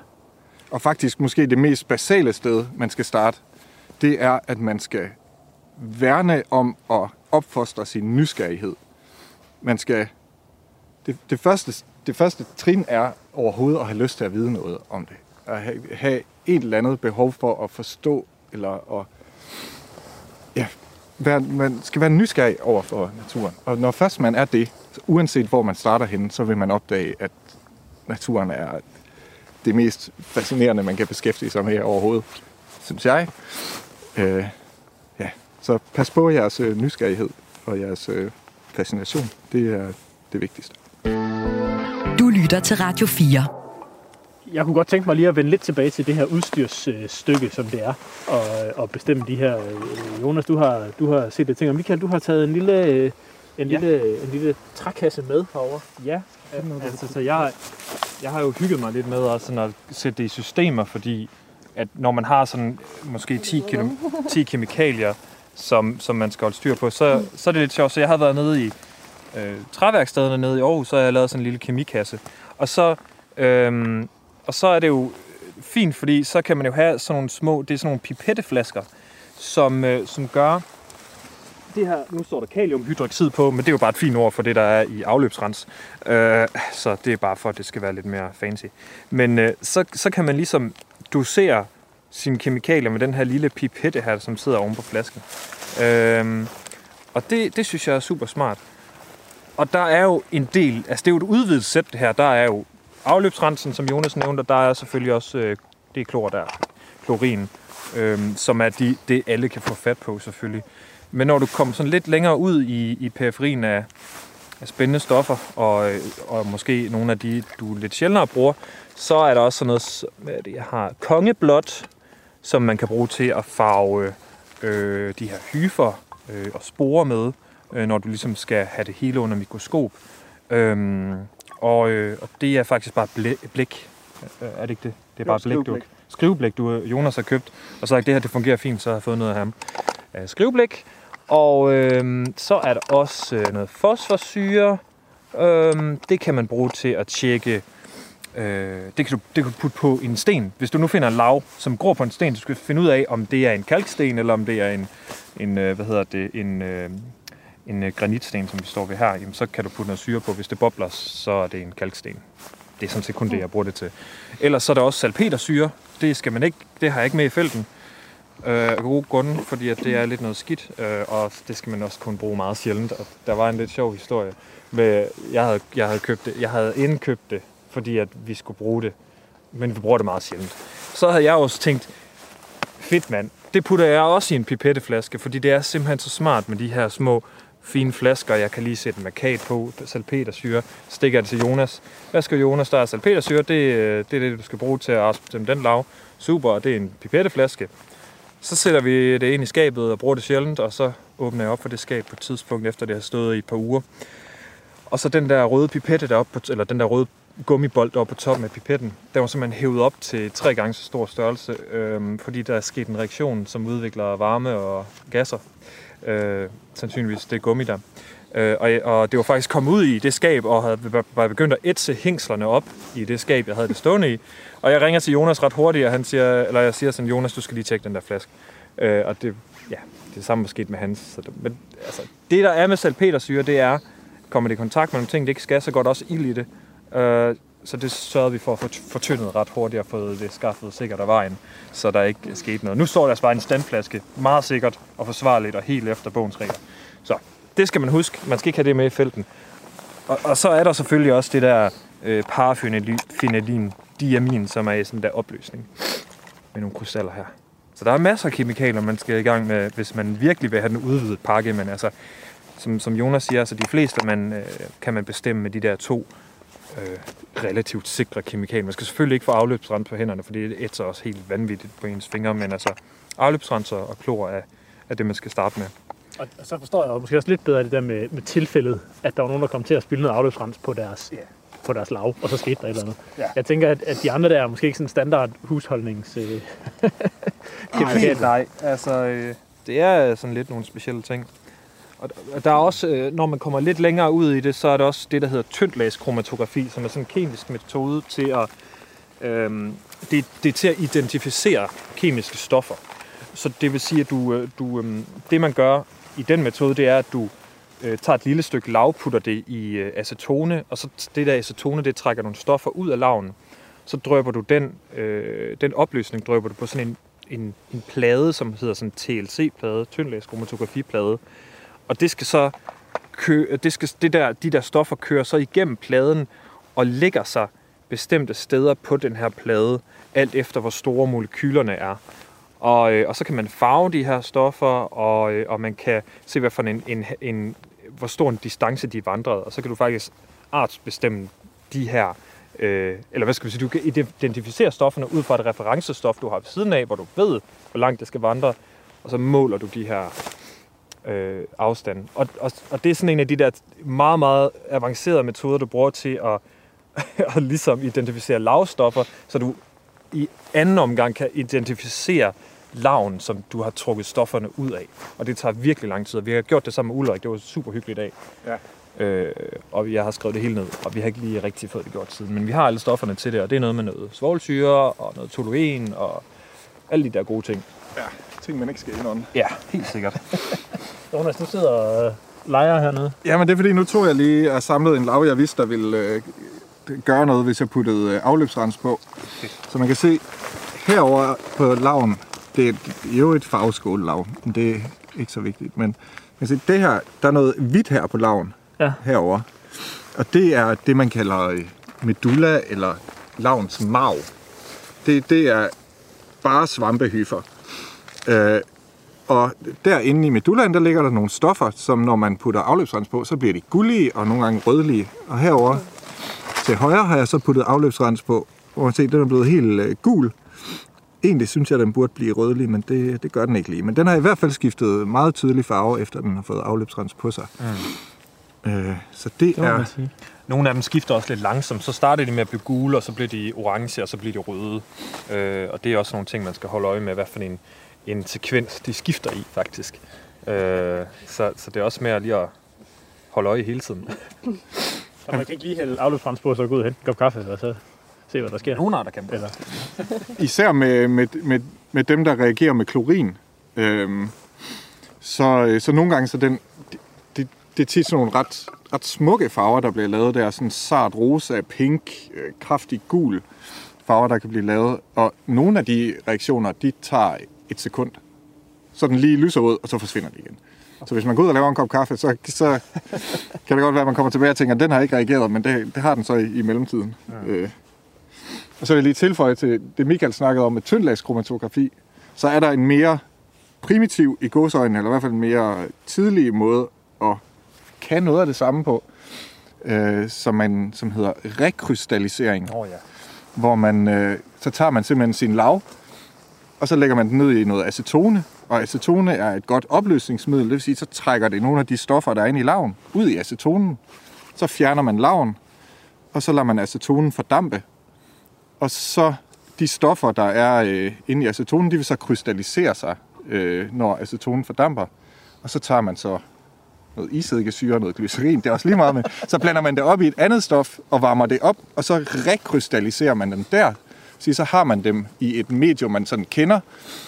Og så alt efter, hvad det er for nogle stoffer, så får de her krystaller, der dannes, en forskellig form. Og det er, det er en fantastisk verden, og super formrig. Altså, nogen ligner snekrystaller, nogen ligner øh, isterninger, nogen ligner øh, sådan zigzag-mønster. Det er, det er fantastisk at sidde og se på. Der er dem, der, der sådan laver spiraler og sådan noget. Altså, det, Ja. ja. det, det, er nogle af de smukkeste mikroskopiske kunstværker, nu til at se. Det er virkelig, ja. virkelig noget, der kan noget, når man, øh, når man giver sig tid til det. Ja.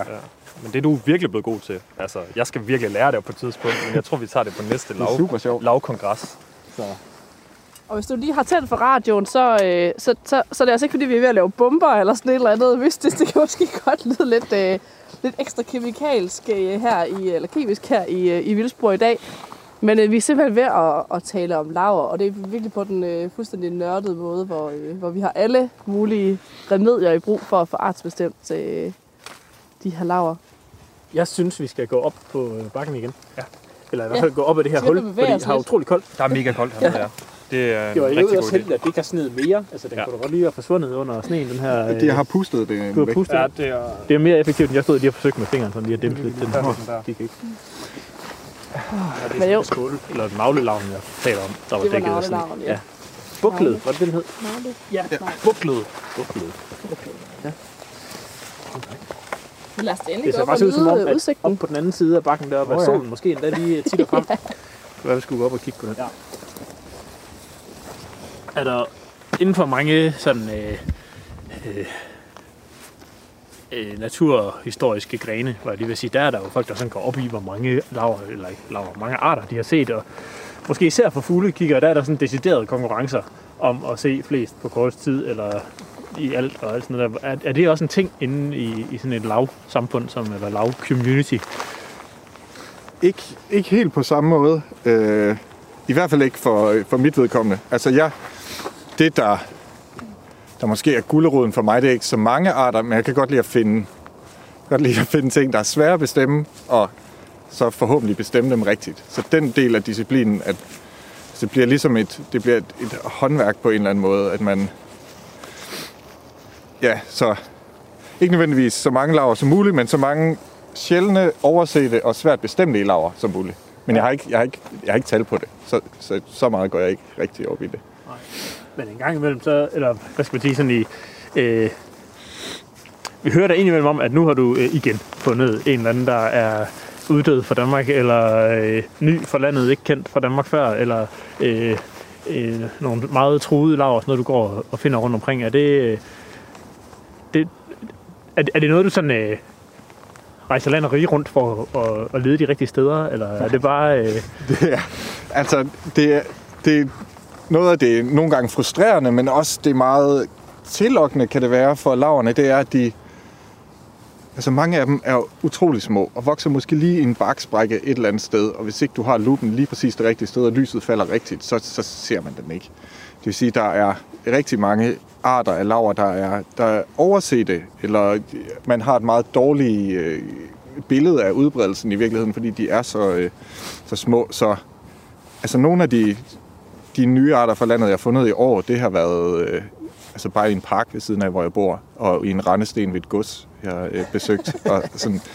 Så man behøver ikke rejse land og rige rundt. Selvfølgelig er der lokaliteter, hvor tætheden af spændende arter er større.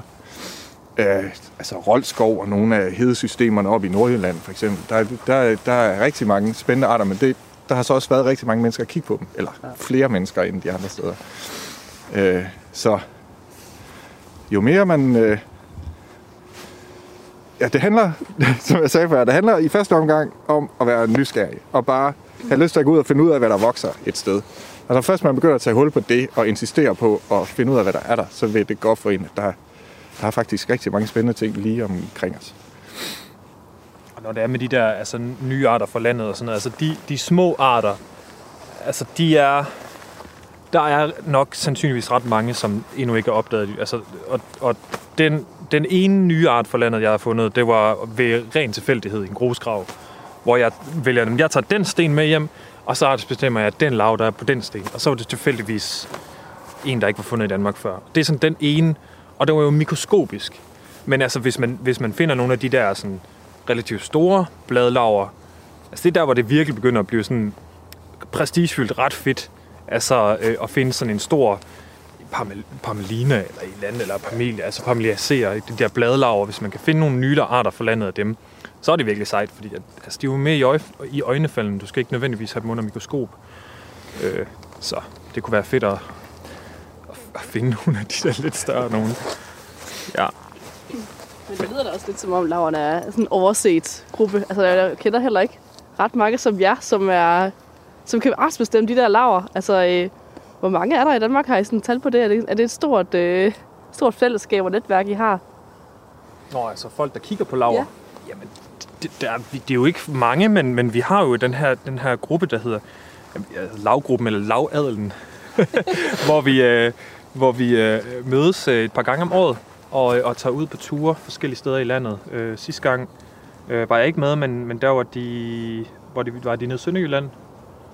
Ja. Rigtigt. Og så øh, har vi også været øh, nede ved, øh, hvad hedder det, Vadehavet, også og besigtet de her forskellige vadehavsøer og sådan noget. Og det er sådan, så får vi måske øh, søger nogle fondspenge til, at vi kan komme ud og, og bo i, på en lejrskole måske, og, og hygge os lidt der. Så tager vi på ture om dagen, og, øh, og samler en masse ind, og så sidder vi med mikroskoper fremme, øh, nogle af os hele natten. Og der er vi vel en 20-30 stykker, tror jeg. Hvor nogle er, øh, altså nogle er biologer, nogle er skolelærer, nogle er pensionerede, øh, og, og nogle, et, måske to er forskere øh, inden for noget lavrelateret. Øh, blandt andet Ulrik Søgting, som, som har øh, haft os med en del gange. Ja. Øh, så nej, det er, ikke, det, er ikke, det er ikke store grupper. Det er ikke, det er ikke sådan ligesom, hvis, du, hvis der er en eller anden sjælden gærværling op i Nordjylland af en anden fugl eller sådan noget, at der kommer øh, 50 mennesker og står med, med store øh, teleskoper. Altså slet ikke. At de fleste folk spørger, hvad, hvad, hvad er det, I kigger på? Det var jo fint, gærværling. Ja, jeg var oppe og se den også. Jeg var, jeg var med Andreas. Det var meget flot. Ja, ja. Men øhm, Jonas, du sad også og... Øh, ja, du nævnte også på et tidspunkt, at, at nogle gange så kan man bruge utrolig lang tid på noget, som man så ikke rigtig kommer i mål med, fordi der er et eller andet, der ikke rigtig passer et eller andet sted. Ja. Øh, hvad gør du med dem? Gemmer du dem til en anden god gang, hvor du tænker, jeg kigger lige igen, eller... Det gjorde jeg til at starte med. Øh, men det betyder bare, at man lige pludselig har en meget stor bunke af meget, meget svært materiale liggende, som nærmest bliver sådan en... Altså ligesom en opvask, der, der har vokset sig alt for stor, så på et tidspunkt så er det nemmere bare at låse det i skraldespanden. Ja. Ikke nødvendigvis med opvasken, men i hvert fald med laverne. Så der, jeg går efter OHS-princippet nu, over højre skulder. Ja. Så hvis man ikke lige kan finde ud af, hvad det er. Efter 30 timer, så... Væk, væk med det.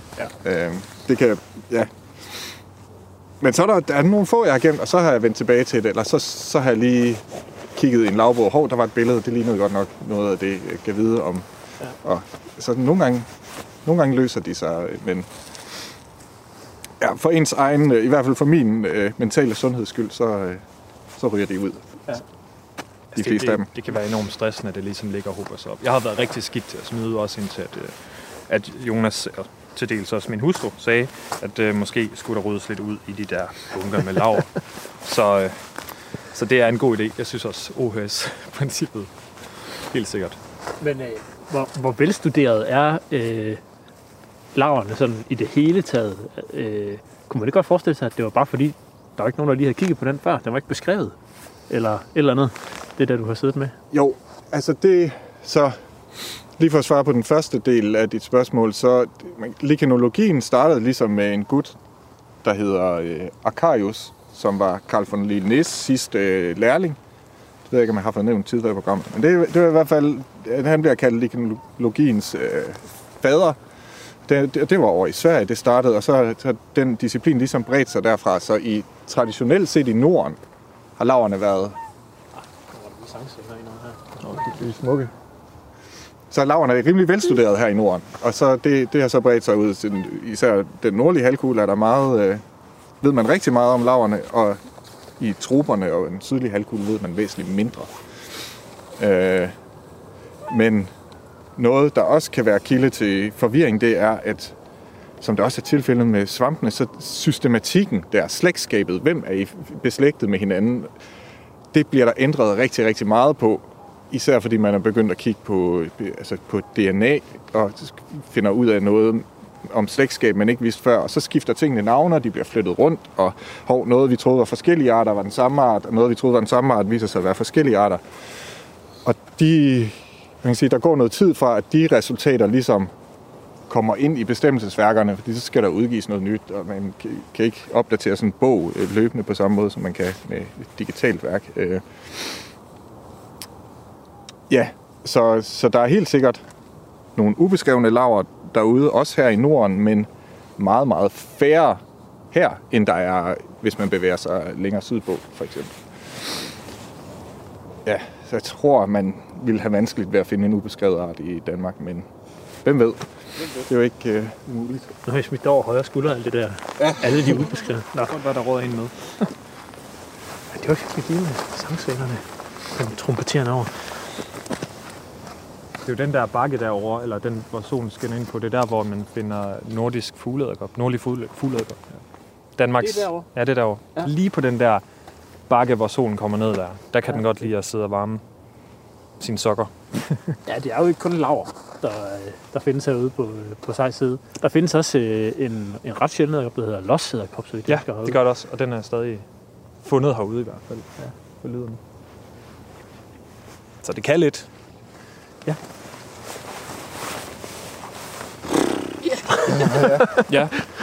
Lidt koldt her efterhånden. Ja. Radio 4 taler med Danmark. Laver du den der på? Ja, jeg tror også, der er mere hernede. Det er bedre. Oh. Pokker ret nu. Nå der.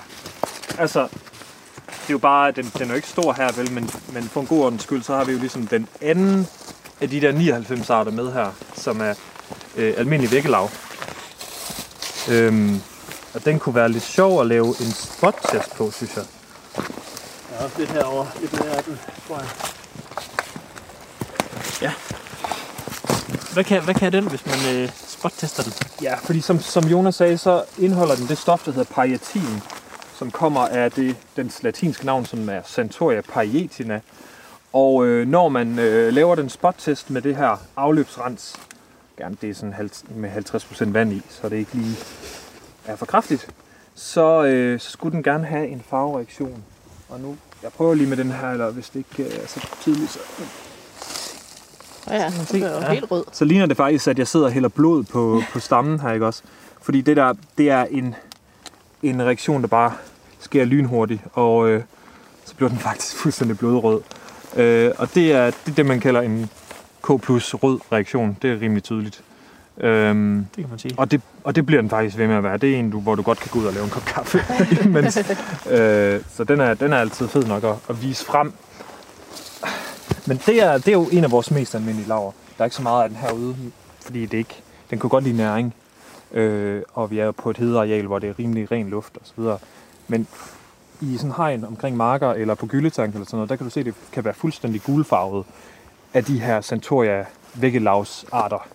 Fordi de simpelthen trives øh, så godt med det her næring og kan Ja. dominere. Så Er der mange arter af dem? der er i hvert fald en del arter i, i den samme familie. Øhm, og der er mange forskellige slægter, og nogle af dem kan være relativt sjældne også. Øhm, men, og, men, men, men de er sådan meget tydelige, øh, når der er meget næring i luften. Ja. Så øh, Det er altid sjovt at kigge på sådan nogle... Nu er det et egetræ, vi står ved her. Øh, det er altid sjovt at kigge på, på grenene af de her, de her egetræer her. De er altid sådan et helt lille landskab i sig selv. Med forskellige mosser og laver og nogle gange også svampe, der vokser ud af grenene og alt sådan. Derovre sidder jo faktisk... Nu er der næsten lige før, der går 99 arter. Jagt, på den, ikke? er det Fordi- bæversvampen, eller hvad? Ja, lige her, lige her sidder øh, gul bæversvamp, som jo hverken er en lav eller en mus eller noget det, det, er jo en, det er jo en svamp, Mm. øh, som vokser ud af, af grenen her. Den snylter jo på den anden, der sidder her ved siden af, der hedder egevoksskind. Det vidste faktisk ikke, at den snyldede på den. Men det, den er jo Den er stivfrossen. den er stivfrossen. den ligner en stivfrossen snotkat nu her. Den kan være sådan helt bløveragtig, når den øh, bæversvamp. Nå, det var også meget sjovt. Men det, øh, det er virkelig sådan nogle fine små, øh, små landskaber. Øhm, og jeg har tit tænkt over, hvad de må egentlig hedder. Nogle af de der ting, der er i de her landskaber her. Det kan være, du kan hjælpe mig med noget, Michael. Mm. Altså, hvis man nu kigger på den her... Ja, Jonas, du må selvfølgelig også gerne være med til det. Altså, de her små landskaber her, der er jo der er jo et eller andet her, som jeg tænker, ja, meget af det må være det samme, ikke? Men det, Det det, det der, det er så alligevel lidt anderledes end det her nede. Ja. Sådan noget Og der har du allerede fået øjnene Blade- op for... bladelav. for lige præcis. Og, og det, er jo, det, er jo, det er jo meget godt set, at, at det ikke er det samme. Det er jo, det er jo den samme farve, kan man sige, men, men, men du har alligevel øje for den der mangfoldighed af, af former, der er blandt lavene. Og det meste af det, altså i hvert fald de her blade, som, som ligger lidt mere fladt hen af, af grenen her, det er den, der hedder øh, rynket skållav, Parmelia sulcata, som er nok en af de mest almindelige bladlaver, vi har, hvis ikke den mest almindelige. Den er, den er det, man kalder kosmopolit. Så den findes både helt op fra Nordpolen til Sydpolen og i troperne, og kan gro på sten og, øh, og grene, som vi ser her. Super, super almindelig, og, men stadig utrolig smuk. Øh, og den anden, du havde her, som ligner lidt, det er nok det, jeg vil kalde en, en, en busklav. Så du har, du har sådan tre hovedformer, og det er skorpelavene, som egentlig bare, der er en her for eksempel, som bare er sådan skorper, der ligger helt ind til. Øh, så er der bladlavene, som mere er de her blade, der gror sådan løst ud over grenene eller sten. Og så er det de her busklaver, som for eksempel også gælder, øh, øh, hvad hedder det, rensdyrlaven, som laver de her tætte buske. Og den vi har her, det er øh, den, der hedder øh, slåenlav, fordi den er hvid på undersiden. Ah. Øh, der, der er en, der ligner rigtig meget, som hedder øh, Tue Grenlav, som er grøn på begge sider, men slåenlav her, som aldrig findes på slåen. Jeg har aldrig set den på en slåen før, så jeg ved ikke, hvorfor den hedder det. Nogen Men- har engang set den på slåen. Den er også øh, super, super almindelig. Øh, ellers så er der også den, der hedder, jeg tror det er på dansk spæd rosetlav, Fuchsia tenella, øh, som er sådan de her små nogen. Øh, Der er sådan noget grønt der, Der. imellem. ja, og det er så en af dem, der hedder... Øh, er vi ude noget melanohalia der, Jonas? Eller er det? Det er melanelixia, det meste af det, jeg har set. Okay, ellers så skal jeg lige have lupen frem, fordi der er nogle af dem, hvor du skal kigge på øhm, de der små frugtlemer. Sandsynligvis melanelixia. Det er en skållaut, og den hedder så... Hvad hedder den på dansk, Jonas? Hvad er fornavnet til den her skållaut, den grønne af dem? Nogle gange så glemmer vi jo lidt de danske navne, for det er, det er ofte nemmere at have styr på systemet, når du ligesom bare husker det latinske, og så mm. glemmer det danske bare en lille smule. Øh, men ellers så er der også dem, der hedder øh, fingerkvistlav. Den her for eksempel, den er ikke så stor endnu, men når den bliver lidt større, så ligner det sådan nogle fede pølsefingre, der går ud over, øh, øh, hvad hedder det, øh, grenene, gymnia tumulosa. Øh, og så er der også den, der hedder Lecidella eleochroma herover, som også, øh, den, er, den reagerer faktisk orange, når du lyser på den med UV. Og den hedder, hvad hedder den? Grågrøn. Grågrøn ikke også? Ja. Og Og der det- skal man altså... Det skal være mørkt. Ja. Og den, øh, den findes måske næsten på samtlige træer i hele Danmark. Øh, tror jeg, der var en, var det Vagn Alstrup, der sagde det. Ja, den også. Ja, super, super almindelig. Øh, så så i, i det hele taget er det, er det nogle meget almindelige arter, vi ser her. Jeg har ikke lige set noget sådan super sjældent lige på det her træ. Men altså, det er jo heller ikke så gammelt. Det, jo, det er måske lidt gammelt det her, men jo ældre de bliver, jo, jo flere sjældne arter kan man også finde. Fordi at, altså, sådan, jo flere små nischer er der, jo flere små afkroge øh, er der også på træet. I længere tid har organismerne også haft til at flytte ind på træet. Fuldstændig, ja, ja. Og der er nogle af dem, der spreder sig enormt hurtigt. ja så eleokroma der er det, man kalder en pionerart. Den Ja. kan godt lide øh, øh, unge træer, hvor barken stadig er glat. Man kan se mm. på Mm. det her egetræ. Jo ældre det bliver, jo mere sprækker barken. Det er der nogle øh, arter, der trives rigtig godt ved. Den der Decidella eleokroma gør det ikke så meget, så den, øh, den kommer tit på unge træer, så den, man kan også vurdere lidt med skovens alder, eller i hvert Mm. fald øh, ja, kontinuiteten med den. Altså, det er, det, er- det er en fed niche, det der med sådan barksprækker. Øh, fordi der findes nogle helt særlige arter i, i barksprækker, i hvert fald hvis de er gamle. Der er ikke, det er ikke sikkert, der er så meget for den der. Men der er nogle arter af laver, som ikke så godt kan lide at få regn på sig, direkte i hvert fald. Og så kan de sådan set gemme sig i de der sprækker i barken. De kan stadig godt lide fugtighed, men det, det kan man sige, det damper sådan lige stille ind. Øh, så der er nogle arter af laver, som simpelthen er specialiseret sig til at gro i læ for regn i barksprækker tæt på et vandløb øh, som er nogle af dem, der gror på rødel, for eksempel. Okay. Og det er nogle af de her små nålelav, for eksempel. Nogle rigtig små, nogle man skal have lupen frem til at se. Øh, men det er, det er en super sjov, spændende niche, og det er noget, man virkelig kun finder på gamle træer. Så øh, flere af dem, øh, jo bedre finder man alle de små sjove retter. Og det er også, jeg synes, det er en, en generelt fascinerende ting, med, når man begynder at beskæftige sig med laverne, det er, at det, man kalder mikroklimaet, altså hvordan forholdene er lige præcis på et bestemt sted. På sådan et træ her, som vi står ved, sådan et halvgammelt egetræ, hvor barken er begyndt at sprække op, der er nogle grene, der stikker ud. Der er rigtig mange små, det man kan kalde mikrohabitater rundt på sådan et sted her. Det vil sige, man kan flytte sig meget kort på træet, men betingelserne for at leve de steder, de kan ændre sig ret radikalt, i hvert fald for, øh, for en lav. Det vil sige, at man kan have mange forskellige små samfund meget, meget tæt sammen, hvor vi, altså den hede, vi går på nu, sådan floristisk set, eller med planterne, så er den forholdsvis ensformig. Der er rigtig meget hedelyng, der er noget blåbær, der er, øh, altså man skal bevæge sig forholdsvis langt, før forholdene ændrer sig ret meget. Øh, men ved laverne, så kan det skifte rigtig hurtigt.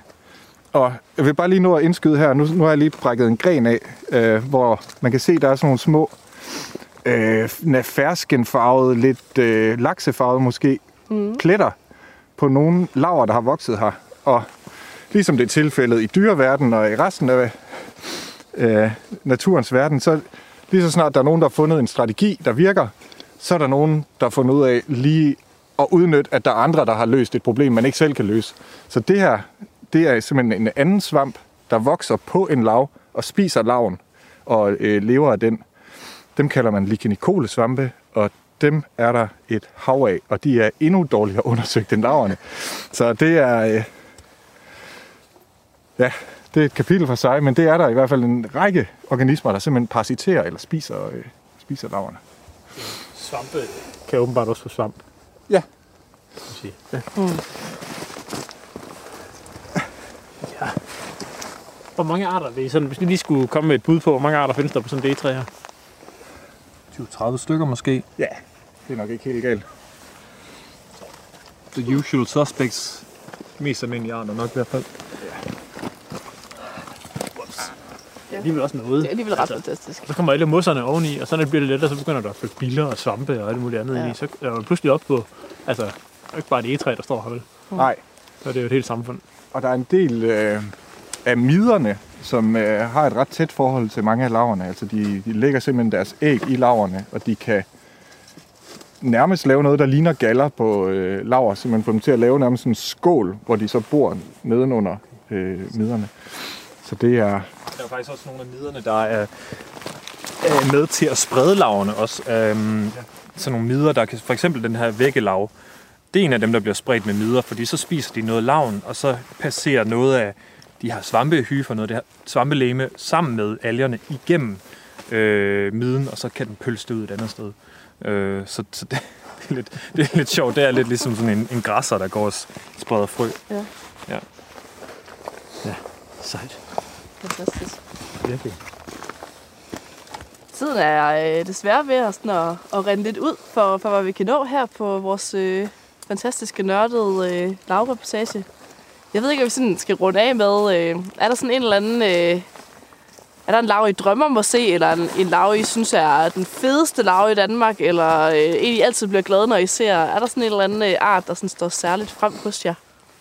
I Danmark eller i... Også godt se hele verden, hvis, øh, er noget. Altså, jeg, jeg, jeg var jo oppe at se en... Øh, jeg var jo på køreferie i Norge her i, øh, i øh, sommer. Og så, øh, så siger jeg til Sille, at øh, vi, skal, vi skal altså lige køre en omvej.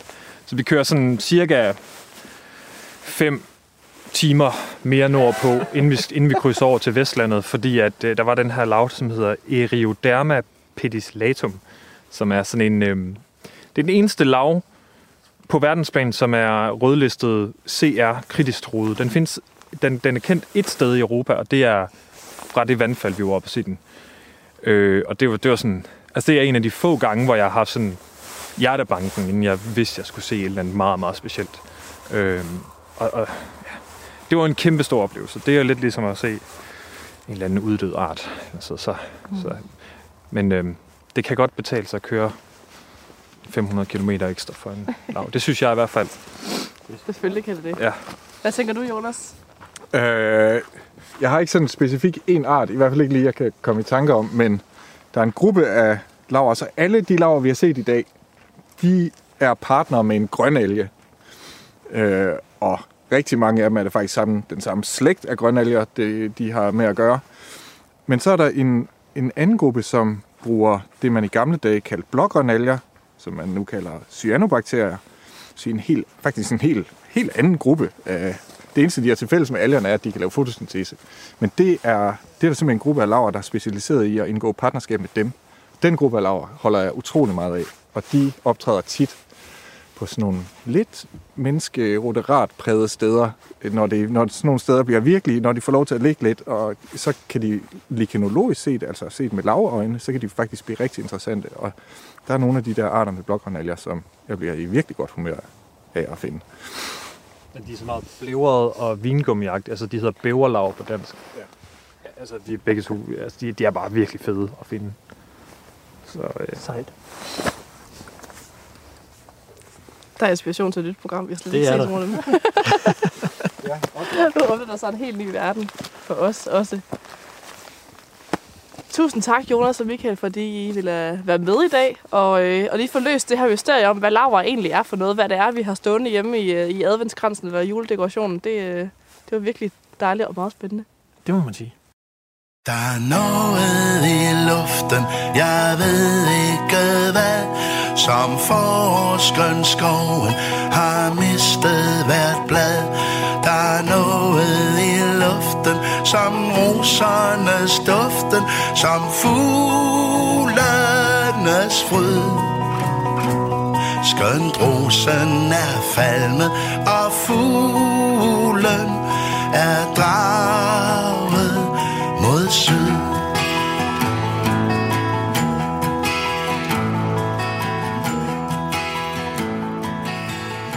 Var en nørdetur. Det, altså, der, der, der lægger vi virkelig op øh, til vores navn. Det, der det må man sige. Altså, ja, det der begejstring, som Michael og Jonas, de udviser, når man, når man taler om de der laver, det er jo simpelthen så smittende, og ja, det var altså også meget sjovt at se, hvor de bare øh, løb rundt på den der hede nærmest, selvom det var øh, bidende koldt, og kastede sig ned på jorden, og gravede rundt i sne og is, for at se de der laver.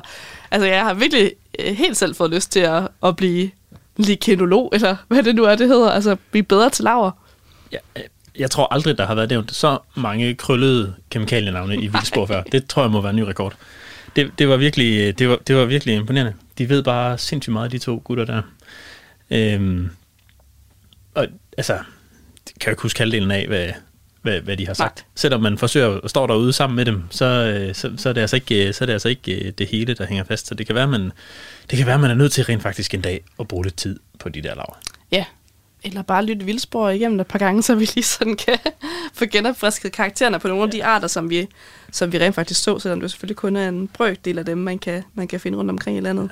Man kan også håbe, at, øh, at øh, lytterne er blevet en lille smule klogere på, hvad der gemmer sig i deres, øh, i deres juledekorationer. For eksempel så tror jeg måske, at den der er her godt kunne være den der øh, slåen lav. Eller og det den der hed. sådan sidder fast på, Ja. øh, på grenen der. Ja, det Ja. er ret i. Ja, den hed ikke slåen lav, men et eller andet, noget, der mindede om slåen lav, som aldrig er fundet på slåen, eller hvad det var. Ja, det er rigtigt. Ja. Det er rigtigt. Nå. Sidste. Ja. Nå. Det er rigtigt. Ja. vi er i hvert fald helt sikkert blevet, øh, blevet klogere på laver, og det er jo simpelthen fantastisk at komme ud med de der nørder og eksperter, som, øh, som bare altså, bobler over. Man skal, ikke- man skal ikke sådan skrabe ret meget, for det bare sådan vælter ud med, med viden og information. Og, ja, og heldigvis så skal vi jo nørde meget mere øh, i det nye år, Emil. Hvad, hvad tror du, vi kommer til at, at se på? Ja, alt, øh, det, det, vi har jo ikke rigtig planlagt endnu. Nej. Men jeg gætter på, at vi kommer til at kigge på øh, måske nogle pattedyr, måske nogle planter, måske nogle fugle, måske nogle sommerfugle.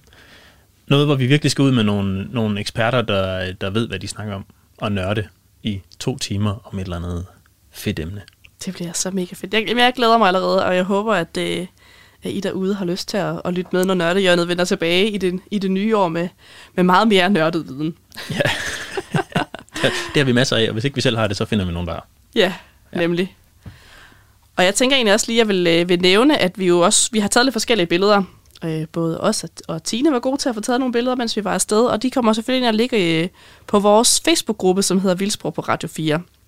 Og her er I selvfølgelig også velkomne til at deltage i debatten om programmet, eller stille spørgsmål, eller komme med nogle gode idéer til, hvad, også hvad vi kan tage ud og nørde til næste år, hvad vi I gerne blive, blive klogere på. Det må I jo altså endelig, endelig skrive derinde. Og så kan man også altid lige læse om, hvad, hvad næste uges program handler om, og nu, nu kan jeg jo lige øh, tage den lidt på forhånd og sige, at i næste uge, der, er, der er Rasmus tilbage i studiet. Han, øh, han sørger for at få jer godt igennem det nye år, når han øh, nytårsaften altså simpelthen ser jer tilbage på, øh, på 2022, sådan i, i Vildspors kontekst.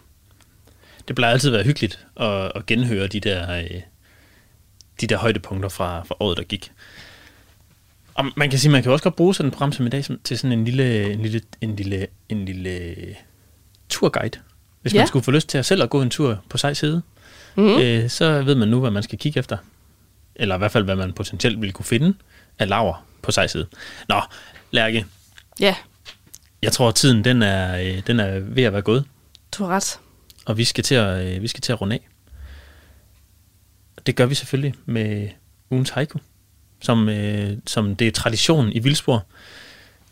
Og inden da, så vil vi simpelthen bare gerne sige tusind tak, fordi I lyttede med, og ønsker jer en rigtig glædelig jul.